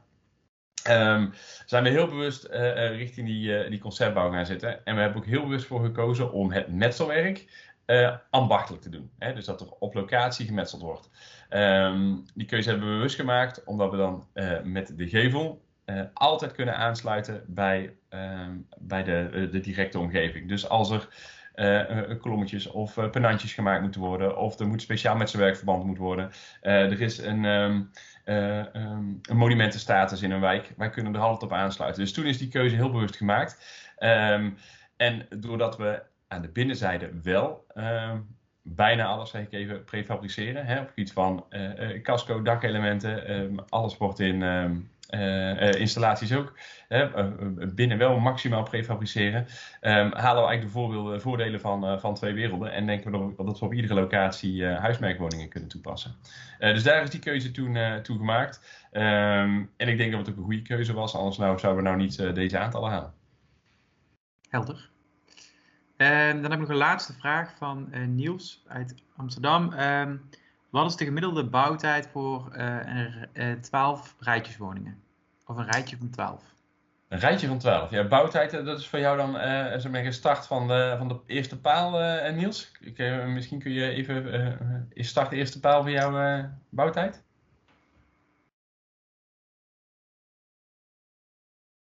Misschien dat Niels even weg is. Ah, daar komt oh. Nee, ik ben er, ik ben er. oh, en Niels. Hey. Kan je de vraag nog een keer herhalen, Niels? Uh, de, je hebt de vraag gesteld van wat de gemiddelde bouwtijd is voor een rijtje van 12. Ja. En wat, wat, voor mij de, de vraag even was, is bouwtijd van jouw start de eerste paal? Of uh, ja, wat we steeds vaker merken is dat we ook uh, bodembronnen doen bijvoorbeeld. Hè, je merkt dat daar, daardoor loopt het, hè, moeten er gewoon meer werkzaamheden in de, in de grond plaatsvinden. Um, en, dus ik was even benieuwd, is bouwtijd voor jou eerste paal nee, tot, nee. tot oplevering? Eerste paal. Ja, ja. Nou, waar we meestal van uitgaan is dat we ongeveer 70 dagen nodig hebben, 70 werkdagen nodig hebben tussen eerste paal en oplevering. En dan tellen we het aantal woningen erbij. Dus stel je voor de 12 woningen zijn, zou het in dit geval 82 dagen zijn. Je merkt dat met bodembron zijn we iets langer bezig. Dan gaat iets, loopt de tijd iets, iets vooruit. Um, en ligt eigenlijk maar net aan. Hè, de bodembronnen die um, hè, dus even, proberen altijd goed te coördineren dat die er exact voorvallen. Maar soms scheelt dat een weekje of twee of zo. Ja. Um, dus daar moet je een beetje aan denken. Dat geeft denk ik een beetje een beeld. snel. Ja. Jasper, mag ik je uh, ook nog, of, uh, um, sorry Niels, mag ik je ook nog een vraag stellen? Want uh, wat, ik, uh, wat ik zie is, um, uh, we hebben het natuurlijk over binnenstedelijke gebiedsontwikkelingen. Hè, en dat gaat over wat grotere plekken waar ook vaak al bestaande bouw aanwezig is. Ja. Ik kan, ik, ik, weet niet of uh, conceptueel bouwen ook uh, geschikt is om bestaande locaties, gebouwen te transformeren. Hè? Of dat je zegt van het is veel meer een, een sloopnieuwbouwconcept wat je op die locaties gaat toepassen. Ik zag bijvoorbeeld dat jullie in Noorderhaven die, die woningen hebben neergezet. Ja, dat, dat is een sloopnieuwbouw. Dat is geen transformatie van echt bestaande panden. Maar is dat, is, is het conceptueel bouwen ook toe te passen op die bestaande panden? Nou, dit gaat absoluut over, uh, over sloopnieuwbouw. Dus dit zijn absoluut nieuwbouw, uh, een, is absoluut nieuwbouwconcept. Um, um, en dit kan ook niet toegepast worden in de renovatie. Dit is geen, uh, dit is, te verschillend. Ja. Um, maar jouw zoektocht misschien ook een klein beetje is van jouw vraag, als ik hem zo vrij mag zijn, is ook een beetje van, hebben we het nou echt over, hè, kan dit nou ook in Centrum Rotterdam? En kan dit nou ook in ja, ik weet dat ik veel uh, locaties heb als uh, uh, Schinnen of buitenstedelijke gebiedsontwikkelingen. maar absoluut, hè, ik zet hier even een plaatje op beeld van, ehm, van. Ja, dit is gewoon compleet omgeven midden in een woonwijk. waar gewoon oudere woningen stonden, waar bewuste keuzes gemaakt door de corporatie en de gemeente ook om, om tot sloop over te gaan. Overigens krijg je een hele operatie, hè, dus mensen uit huizen moeten naar vervangende woningen gezocht worden. en die willen ook graag dat dat snel gerealiseerd wordt. Dus we mogen er ook meteen achteraan. Hè, de, de laatste uh, de, de, de, woningen zijn nog niet, uh, de laatste woningen nog niet leeg of beginnen de eerste al te slopen. Uh, er zit een enorme, enorme tijdsdruk achter. Maar dit, zijn allemaal, dit is allemaal in woonwijken. Hè? Ook Dijkstraat de Best, ook Schinnen, dat is allemaal tussen, de, tussen de andere woningen. Ja, je bent dus altijd ook, um, um, ik zeg maar even bezoeker. Nee, je bent altijd gast in een, in een omgeving en daar, daar dien je absoluut rekening mee te houden. Ja, oké, dank je. Ik heb nog één vraag van Robert uh, Niels. Ja. Heijmans heeft de types afgestemd op de doelgroepen, waaronder voor starters. Heeft Heijmans ook een type standaardwoning voor deze categorie beschikbaar die niet uitbreidbaar is? Zo blijft de woning in een meer betaalbare prijsklasse aanwezig. Of hebben jullie hier andere suggesties voor? Oké, moet ik even de vraag even. Heeft hij een type standaardwoning voor deze categorie beschikbaar? Welke categorie bedoel je dan? Voor, starters. Ja, ja, uh, um, ja um, uh, is het een starter voor jou een eensgezinswoning of is dat een 1 2 persoons huishouden? Hè? Uh, en wij hebben, uh, we merken nou dat we vaker uh, 1 2 persoons huishoudens maken. Hè? Je merkt gewoon dat meer mensen wonen alleen of met een stel. En daar hebben we de, de XS-woning XS -woning voor. Um, Overigens, uh, Jasper, kun jij misschien weer aanmaken voor de begingroep was de, de, eh, de, de 4,80 meter eensgezinswoning was eigenlijk ook een antwoord op jullie 1 tot 2 persoons huishouden. Dus de, de, de, kleinste woning, die mogelijk in de toekomst dan ook voor gezinnen toe, toepasbaar is. Waardoor je toch een, uh, een wijk maakt waar verschillende, over tijd ook verschillende gezinssamenstellingen of woonsamenstellingen konden, konden zijn. Volgens mij was dat uh, een helder antwoord. Dank Niels. Uh, ik zie de tijd gaan, gaan we denk ik de, gaan we de stellingen gaan we even weglaten en gaan we door uh, naar de volgende presentatie van Erik en Patrick van gemeente Rotterdam. Um, Erik, open jij de presentatie? Nou, ik had gevraagd of Patrick hem even open wilde zetten. Oh, omdat hij het tweede deel voor zijn rekening neemt. Dat is het handigste, denk ik.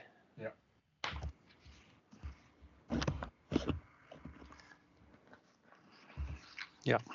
Dan geef ik het woord aan jullie. Oké, dankjewel. Uh, nou, welkom allemaal. Uh, ik ben Erik de Rooij. Ik ben uh, expert bij Bouw- en Woningtoezicht Rotterdam. Ik werk daar sinds het begin van de jaren 80. ik heb heel veel procedures gedaan, maar ik werk op het ogenblik zeg maar, al, vooral op het bestuurlijke gedeelte van het traject. En ik werk ook als een soort oliemannetje. En ik geef samen met Patrick, Patrick is expert vergunningverlening, geef ik deze presentatie. Uh, ik vertel iets over het uh, fenomeen uh, vergunning in één dag. En aan het tweede deel van de presentatie zal Patrick nog wat vertellen over het geprefabriceerd bouwen. Nou, ik heb een korte inleiding gemaakt waar ik het even over wil hebben. Dit zijn de onderwerpen waar, aan de hand waarvan het verhaal is opgebouwd. Ik, nou, ik zeg maar vast dat het is niet een enorm lang verhaal. Het is een verhaal uit de Rotterdamse uh, praktijk. En het is vooral bedoeld om het gesprek aan te gaan. En als het kan ook wat uh, ervaringen uh, te delen. de volgende, Patrick. Nou, ik ga even kort iets vertellen over bouw- en woningtoezicht Rotterdam. nou, Rot BWT Rotterdam is de oudste gemeentelijke dienst van Rotterdam. Dit jaar bestaan we 160 jaar. En werken bij bouw- en woningtoezicht er werken bij bouw- en woningtoezicht circa 300 uh, collega's en grofweg de helft van onze collega's uh, zit op de vergunningverlening. En even globaal gezegd, het gaat om ongeveer 2500 bouwvergunningen per jaar, omgevingsvergunningen, maar daar zit ook nog wel wat ander werk bij. We doen ook inritvergunningen, kapvergunningen. de hele, als er maar vergunning achter staat, in principe kan je bij ons terecht. Uh, de andere helft uh, die werkt op de handhaving en de naleving. En dat zit hem vooral in de kwaliteit van de bestaande voorraad. En een uh, hele grote club mensen bij ons werkt aan het nationaal programma Rotterdam Zuid. Waarvoor wij het fysieke spoor uitvoeren. Dus het verbeteren van de kwaliteit van de woningen op Rotterdam Zuid. En verder heeft Bouw en Woningtoezicht ook nog een grote beleidsclub. Dus het is een afdeling waar en beleid wordt gemaakt en waar de uitvoering plaatsvindt. Um, en bovendien, en dat is misschien wel even belangrijk voor dit verhaal, bouw- en woningtoezicht doet en de omgevingsvergunning en de afwijkingsprocedures en de aanpassingen van de bestemmingsplannen. En wij maken ook de bestemmingsplannen. Sinds 1 januari zit dat allemaal in één hand onder de vlag bouw- en woningtoezicht. In uh, 2019, 2009, toen stond onze afdeling er wat minder uh, goed voor. Er was toen al onzekerheid over de rol van de bouwinspectie, want toen doemde aan de horizon al de WKB op, toen nog private kwaliteitsborging geheten. Dat gaf een hoop onzekerheid op, op onze afdeling. We hebben toen ook een nieuw hoofd gekregen, Margreet Schotman, misschien de naam wel bekend, want ze is ook jarenlang voorzitter van de Nederlandse Vereniging Bouw- en Woningtoezicht geweest. En zij heeft toen ge, uh, geponeerd de stelling vergunning in één dag. Nou, dat was uh, voor uh, de, de, mensen die toen bij BWT werkten wel even schrikken. Maar wat Margreet ermee bedoelde, het was meer een metafoor. Het was meer bedoeld om de boel in beweging te krijgen. Het kan veel sneller. Uh, het kan ook anders. En daar, uh, daar, was dat vergunning in één dag voor bedoeld. En het toverwoord uh, voor het vergunning in één dag, dat is het vooroverleg. We hebben de deur opengezet. We hebben gezegd, komt u binnen met uw plan. U hoeft geen tekeningen mee te nemen. Vertel eens wat u wil. Wij geven daar kosteloos een advies op. Wij, wij laten zien waar de showstoppers zitten. Waar zitten de grote knelpunten? Waar moet je op adviseren? Waar heb je een adviseur voor nodig? Wij laten onze specialisten meedenken. Wij hebben het geluk als bouw- en woningtoezicht dat we heel veel expertise in huis hebben. We hebben eigen constructeurs, we hebben eigen brandveiligheidsdeskundigen. Uh, we hebben een grote, uh, grote team architecten voor de, uh, voor, de commissie welstand. En ook voor het monumentendeel. Want misschien een klein beetje verbazingwekkend, maar Rotterdam kent heel veel monumenten. Uh, en we hebben ook heel veel informatie beschikbaar die gebruikt kan worden. En het doel uiteindelijk is, uh, dien een aanvraag in pas als deze goed in elkaar zit. Dus het vooroverleg is bij ons heel erg belangrijk. Uh, dat voorkomt ook dat we aan onhaalbare plannen gaan werken. En het is best een opgave voor onze organisatie. Het kraakt en piept op het ogenblik, gelet ook op de grote vraag die er is vanuit de markt om wat vergunningen betreft. Uh, maar we proberen het wel in de lucht te houden. Maar we gaan het wel iets beperken, dat zeg ik er alvast bij. Wij willen dat vooroverleg echt voor de grote en complexe aanvragen doen. Want het ligt een behoorlijk beslag op de organisatie. De volgende vraag. Uh, nou, even in het kort iets over de praktijk in Rotterdam. Even kijken, is dat de goede indienen van een. Zit bij mij. Ja, heel even hoor, want is dit hem? Ja, dit is hem, ja. Uh, de Rotterdamse praktijk. Uh, waar wij mee werken in uh, Rotterdam, dat zijn gebiedsaccountmanagers. Elk gebied, dat zijn gebieden ongeveer van pak een beet, grofweg 60.000 inwoners, kent een gebiedsaccountmanager. Zo'n gebiedsaccountmanager is ogen en oren van het gebied. Hij gaat ook over de keuzes die in dat gebied worden gemaakt. En initiatieven die nog niet in de fase van een vooroverleg zitten of uh, in de fase van een aanvraag bouwvergunning, die gaan altijd naar de gebiedsaccountmanager. Daar begint het hele verhaal. Uh, wij hebben hele korte politieke lijnen. Wij hebben een wethouder die zich vierkant achter de organisatie heeft gesteld, stadsontwikkeling, waar bouw- en woningtoezicht onderdeel van uitmaakt. En alles is gericht op die 18.000 woningen die in de huidige collegeperiode moeten worden gebouwd. De deur bij hem staat altijd open. Hij heeft één keer per week een bouwspreekuur. Niet alleen voor ambtenaren, ook voor ontwikkelaars. En op die manier proberen en voor de bouwcoördinator. De bouwcoördinator is een centrale figuur. Die kan dwars door de organisatie heen. Die heeft goede contacten met de politiek, maar bovenal hele goede contacten ook met ontwikkelende partijen. We hebben ook een samenwerking met die ontwikkelings, uh, het platform Ontwikkeling Rotterdam, met die ontwikkelingende partijen. En al die lijnen komen samen bij die bouwcoördinator. En die probeert samen, niet met beslissingsmacht of doorzettingsmacht of mandaat, maar samen met hem proberen we die opgave van die 4500 woningen uh, te draaien. We hebben een ruimtelijk intaketeam. Het ruimtelijke intaketeam loopt via die gebiedsaccountmanager. In dat ruimtelijke intaketeam beoordelen wij plannen op de haalbaarheid en op de wenselijkheid. Eerste plaats die wenselijkheid. Is het politiek haalbaar? Is het qua beleid haalbaar? Is het dat niet, dan gaat het plan niet door. Dan gaan we er geen energie in steken. Dan gaan we er geen uren aan besteden. We kijken naar de haalbaarheid. We kijken naar de grote uh, opgaven die erin zitten. Zitten er grote knelpunten in? Bijvoorbeeld, uh, ik noem maar wat, externe veiligheid uh, of geluid. En als het allemaal goed gaat, dan koppelen we er ook nog een procedureadvies aan vast, zodat in ieder geval kan worden begonnen met het aanpassen van de stedenbouwkundige kaders, bestemmingsplannen en dergelijke. We streven er dus naar, dat bedoel ik hier eigenlijk mee te zeggen met dit hele verhaal, geen plannen indienen die niet haalbaar zijn. Door dit systeem komt weigeren in Rotterdam zelden voor en het adagium van de gemeente, van de hele organisatie is dan ook, hoe gaan we het mogelijk maken? En we gaan niet kijken hoe kan het niet, nee hoe kan het wel? Nou, de volgende uh, sheet, daar staat uh, ongeveer beschreven van hoe bouw- en woningtoezicht hierin werkt. Wij streven dus heel sterk naar het uh, indienen van een uh, conceptaanvraag. En dat is dan gericht op het uiteindelijk indienen van een complete definitieve aanvraag die dan theoretisch in één dag zou moeten kunnen worden uh, verleend. Uh, daarbij wordt de bouwinspecteur, die als pil in dat, uh, in dat web zit, die wordt geholpen door een commissie welstand en monumenten. Uh, nou, die hoef ik verder niet uit te leggen. Een bebouwingscommissie, dat is de commissie die gaat over het ruimtelijk kader, dus het afwijken van het bestemmingsplan en de condities waaronder dat gebeurt, inclusief een procedureadvies.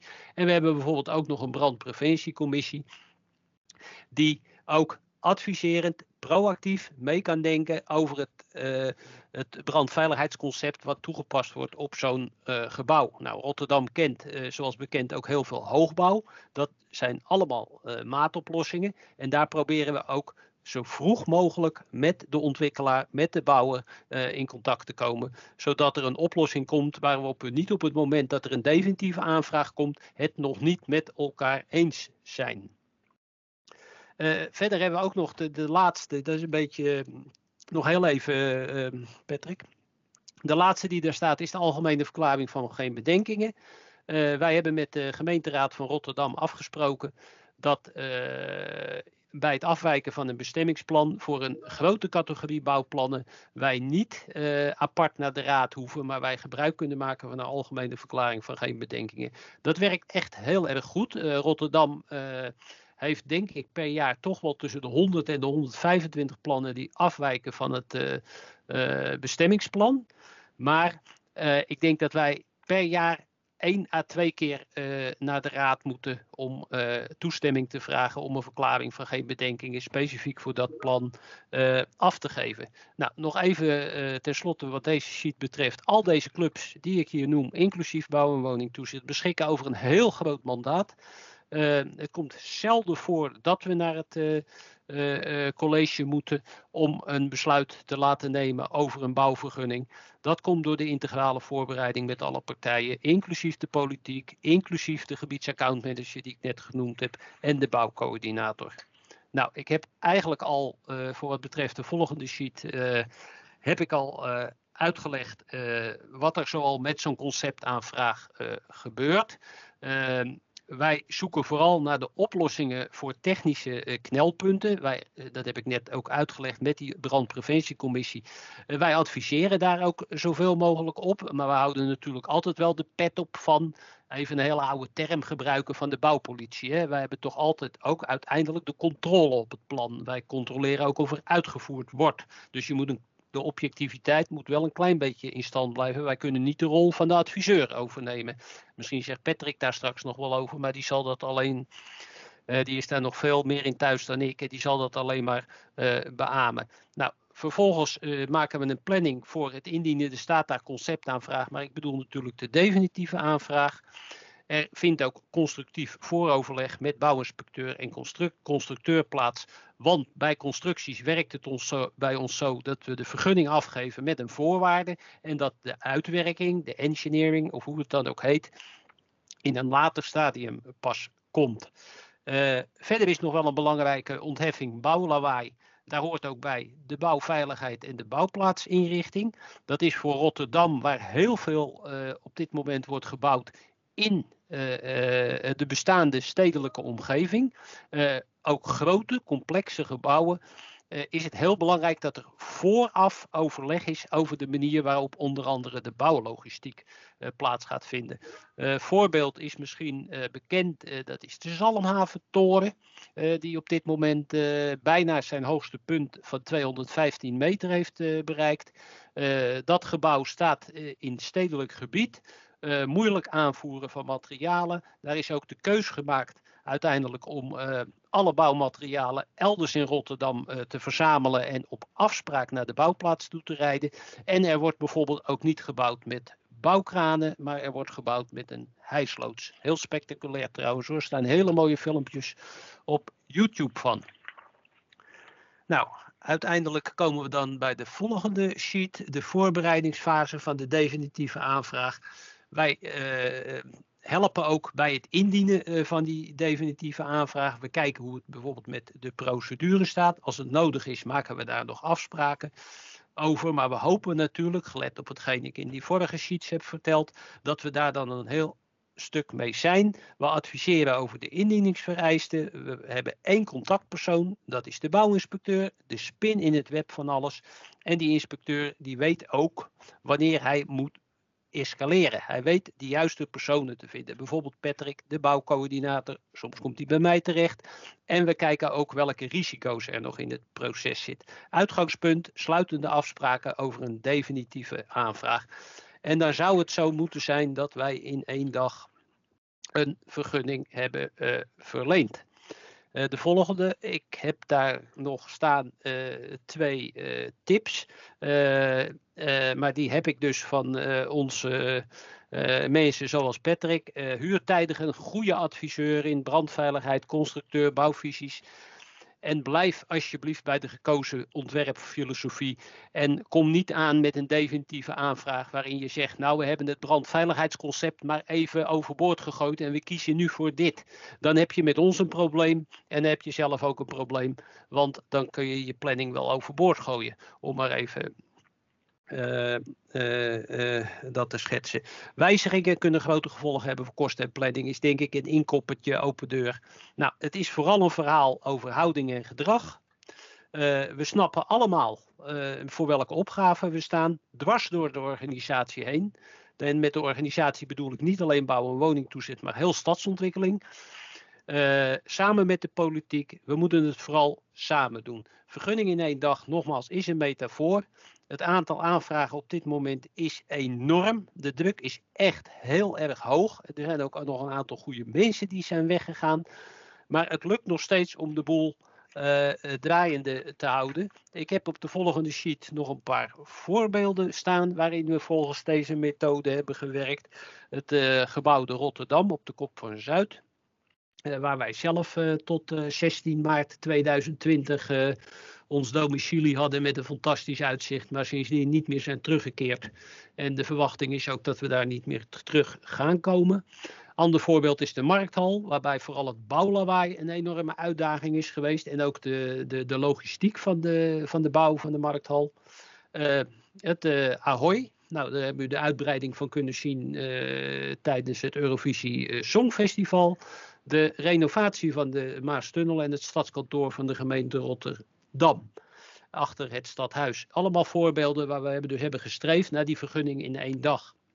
Nou, om de pret enigszins uh, te drukken, uh, de euforie iets te temperen. Het is bij één woongebouw aan de Maas gelukt, de Terrace Tower, 110 meter hoog. Ik dacht zo'n 200 woningen. Daar hebben, is het gelukt om na een erg intensief traject van vooroverleg een vergunning in één dag te verlenen. Maar ja, de ontwikkelaar was ontzettend blij met de vergunning. De ontwikkelaar kwam ook uh, nou, bij ons in de Rotterdam uh, een enorme taart brengen. Maar moest er wel bij vertellen. Dat bleek dat het in, uh, met betrekking tot de gronduitgifte nog niet helemaal goed was geregeld. En vervolgens heeft dat nog zes maanden vertraging opgeleverd. Daarom ook, de omgevingsvergunning staat niet op zich. Het is niet het laatste sluitstuk van de keten volgens mij. Maar hij, moet, hij hoort in de hele keten thuis. En in dat verband misschien nog één uh, kleine uh, uh, anekdote. Enkele jaren terug, um, ja, misschien toch al een jaar of tien terug, hebben wij eens een onderzoek gedaan. Samen met alle partijen die betrokken zijn bij de bouw. En dat was echt vanaf de. vanaf de woningcorporatie die het plan had om op een bepaalde plek iets te gaan bouwen, tot het moment dat de uh, sleutel kon worden overhandigd. Dat hebben we minutieus op een rijtje gezet. En uit dat onderzoek bleek dat de omgevingsvergunning op zich niet het grote knelpunt was. En dat beeld bestond dus wel. En, uh, maar het, er zat veel meer tijd in de voorbereiding, in de financiering, in de uh, uitgifte van de grond en dergelijke. Nou ja, ik wil alleen maar zeggen, die vergunning is onderdeel van uh, van, van, van de hele keten. En het is niet het sluitstukje wat er aan het eind zit. Als je, uh, je, moet het, je moet er al eerder over na gaan denken. En ik hoop dat ik dat een klein beetje heb duidelijk gemaakt van hoe wij als Rotterdam met die vergunning uh, in één dag proberen om te gaan. Daar gaat straks ook die stelling over. Maar eerst geef ik het woord aan Patrick, die nog iets kan vertellen over de prefabrikaat bouwen. Ja, dankjewel Erik. Um, ik heb nog twee kleine sheets. Uh, omwille van de tijd gaat dat ook uh, denk ik precies passen. Want het verhaal wat Erik zojuist verteld heeft, het vergunningproces, um, daar is altijd de vraag van, nou, kan het dan inderdaad niet sneller? Nou, Erik gaf al aan, we hebben als, als ja, borst, zeg maar, die term vergunning in één dag uh, geïntroduceerd. Waar mensen er wel getriggerd worden om, om na te gaan denken hoe kunnen we dat vergunningenproces nou daadwerkelijk versnellen. Um, maar wat we zien en wat ik ook al in de vragen in de chat voorbij zie komen, van ja, maar kunnen inderdaad conceptuele initiatieven nou niet ervoor zorgen dat die vergunningprojecten of trajecten sneller doorlopen gaan worden? Ja, en um, daar moeten we gelijk al eventjes kijken naar volgend jaar. Uh, Andrew die vroeg het net al van hoe zit het met de WKB? En dat is denk ik wel een uh, belangrijk uh, onderdeel van deze vraag. Want um, hè, de WKB die gaat dadelijk vooral over het, het bouwtechnische deel van het vergunningproces. Voldoen we aan die bouwregelgeving? Hè, zit er inderdaad een goede bangijzer in, is het constructief goed, is het brandpreventief goed, noem we allemaal maar op. Ehm, dat zal denk ik uh, dadelijk wel uh, nou ja, best wel wat versnelling gaan verzorgen. Hè? Dat, zeker met conceptuele ontwikkelingen, waarbij we zeggen, nou ja, dit hebben we al zo vaak gedaan, we weten precies wat we nodig hebben. En dat, dat, doen we bijvoorbeeld, zoals onze vorige spreker van Heijmans, dat hebben we al zo vaak gedaan, we weten precies hoe die woningen in elkaar zitten. dus bouwtechnisch heeft het voor ons weinig verrassingen meer. Nou dan heb je nog relatief een beperkt aantal uh, factoren die locatieafhankelijk zijn. denk aan de bodemgesteldheid, moet ik wel funderen, moet ik niet funderen.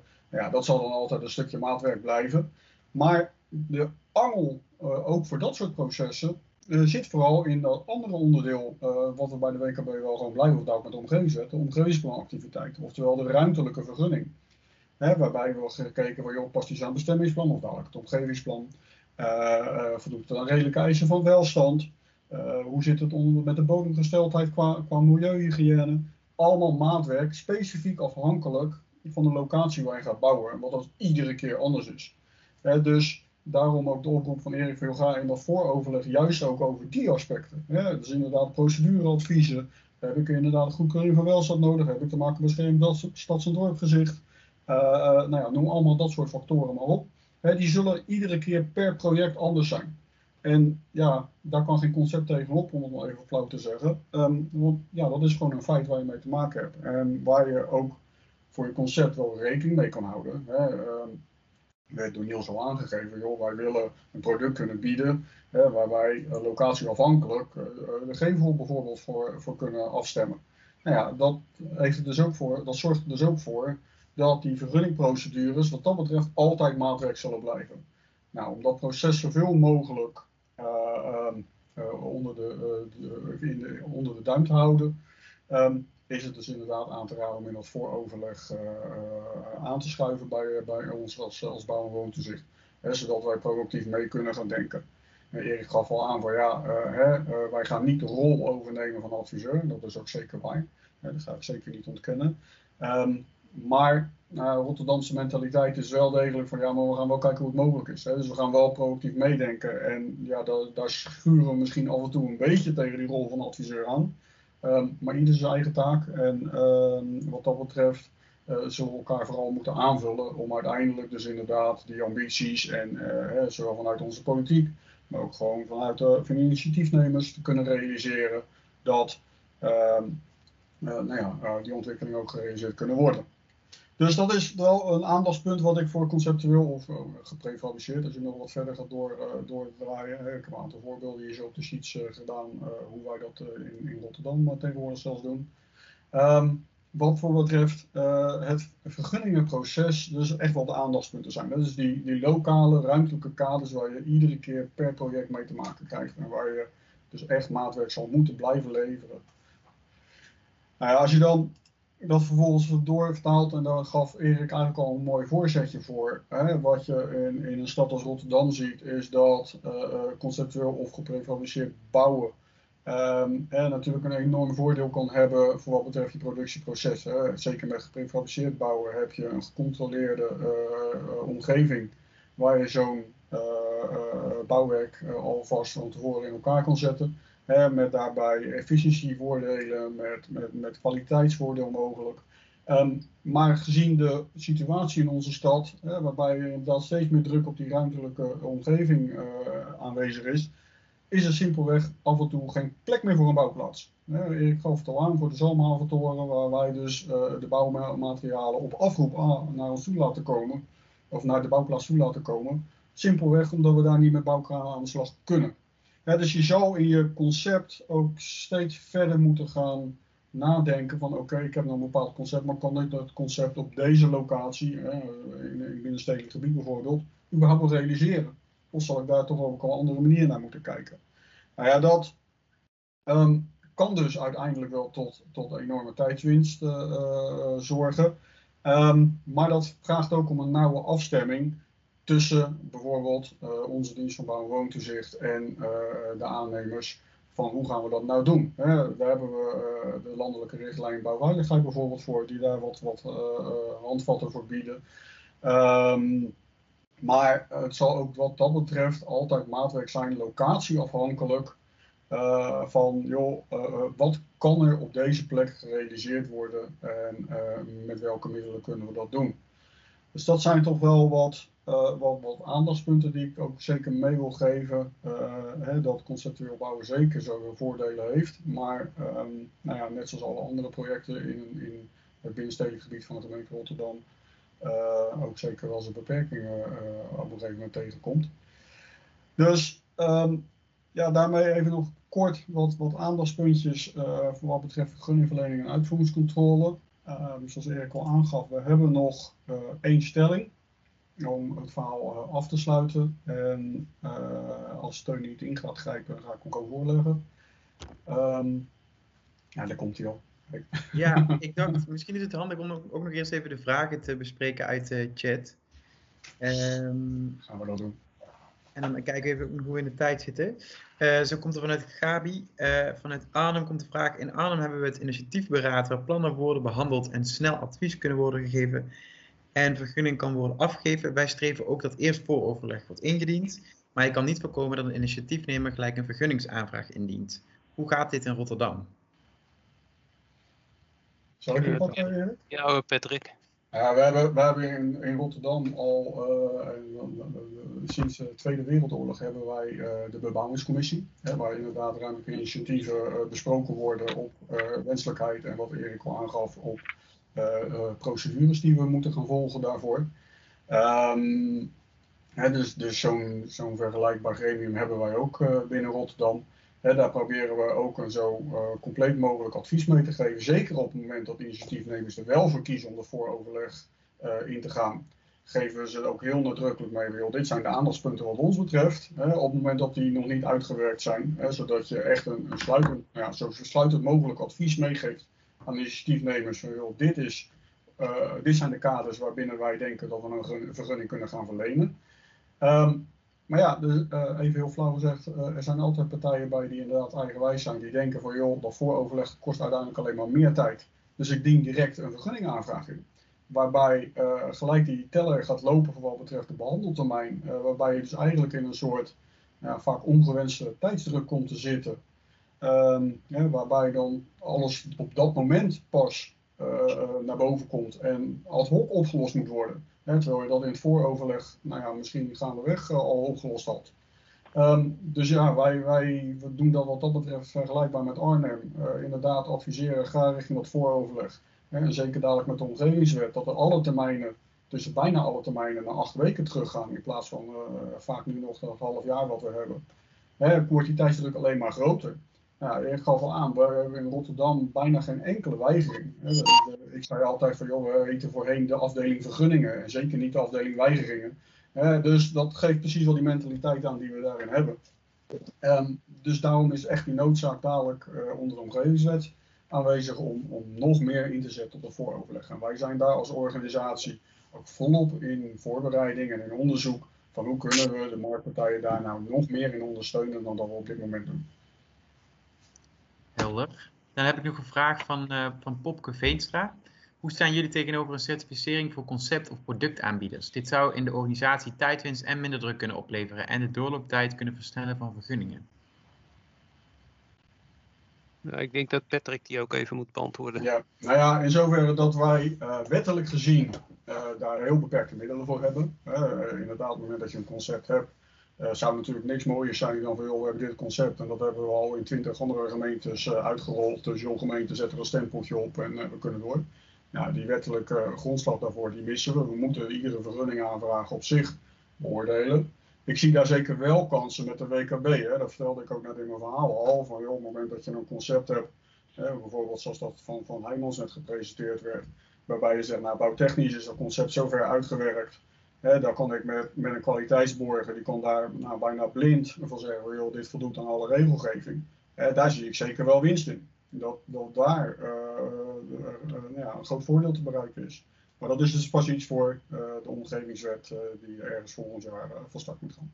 Op dit moment kunnen we er helaas bijzonder weinig mee in die zin dat hè, op het moment dat je nu een concept hebt en je kiest dus netjes ervoor om in dat vooroverleg te gaan, hè, dat je dan technisch misschien al een paar stappen verder bent, dat je daar dan inderdaad die tijdswinst mee, mee kan boeken. maar het is helaas niet mogelijk om te zeggen, joh, dit concept hebben we al zo vaak gedaan, stempeltje erop en door. Dat, dat zouden we graag willen, maar die, die mogelijkheid ontbreekt ons gewoon. Helder antwoord, Popke. Ja, voor nu helder. Ik denk, eh, ja, en waarom stel ik die vraag ook een beetje in relatie tot, uh, tot de hele bouwstroom natuurlijk. Hè? Dus, dus ook wel uh, wat je ook noemde ten aanzien van welstand en eventueel uh, beschermd stadszicht. Hè? Dus ik denk dat het ook heel belangrijk is. En ik, ik denk dat Heijmans en ook Jasper dat kunnen beamen vanuit Eindhoven. Dat je echt heel kritisch met elkaar kijkt van nou, welke locatie zou geschikt zijn voor eventueel een product of een concept. En waarom vraag ik het? Omdat wij um, uiteindelijk natuurlijk 95% straks uh, vanuit onze fabrieken maken. Hè? Dus wij, met name ten aanzien van die uh, wet kwaliteitsborging, wij kunnen straks elk onderdeel uh, loggen. Dus wij zijn ja. als bedrijf heel erg bezig om ons totale product te certificeren. En lopen daar ook wel tegen problemen aan, dezelfde als jullie. Um, en ik vraag het, ik ben enthousiast als ik hoor hè, hoe jullie het hebben ingericht. Ik denk dat dat echt een, een mooi voorbeeld is voor, voor nog andere gemeentes. Maar wij zien ook gewoon in, in soms de wat kleinere gemeentes, met name de, um, capaciteit gewoon enorm afnemen. Hè? Dus de, elk adviesbureaus en, en kijk als producent en bouwer en als, als leverancier, als marktpartij probeer je um, het, het, stukje waar je invloed op hebt zo kort mogelijk te maken. Hè? Nou, dat kunnen we door ons proces doen uh, in de fabriek, maar ook de engineering aan de voorkant en ook op de bouwplaats.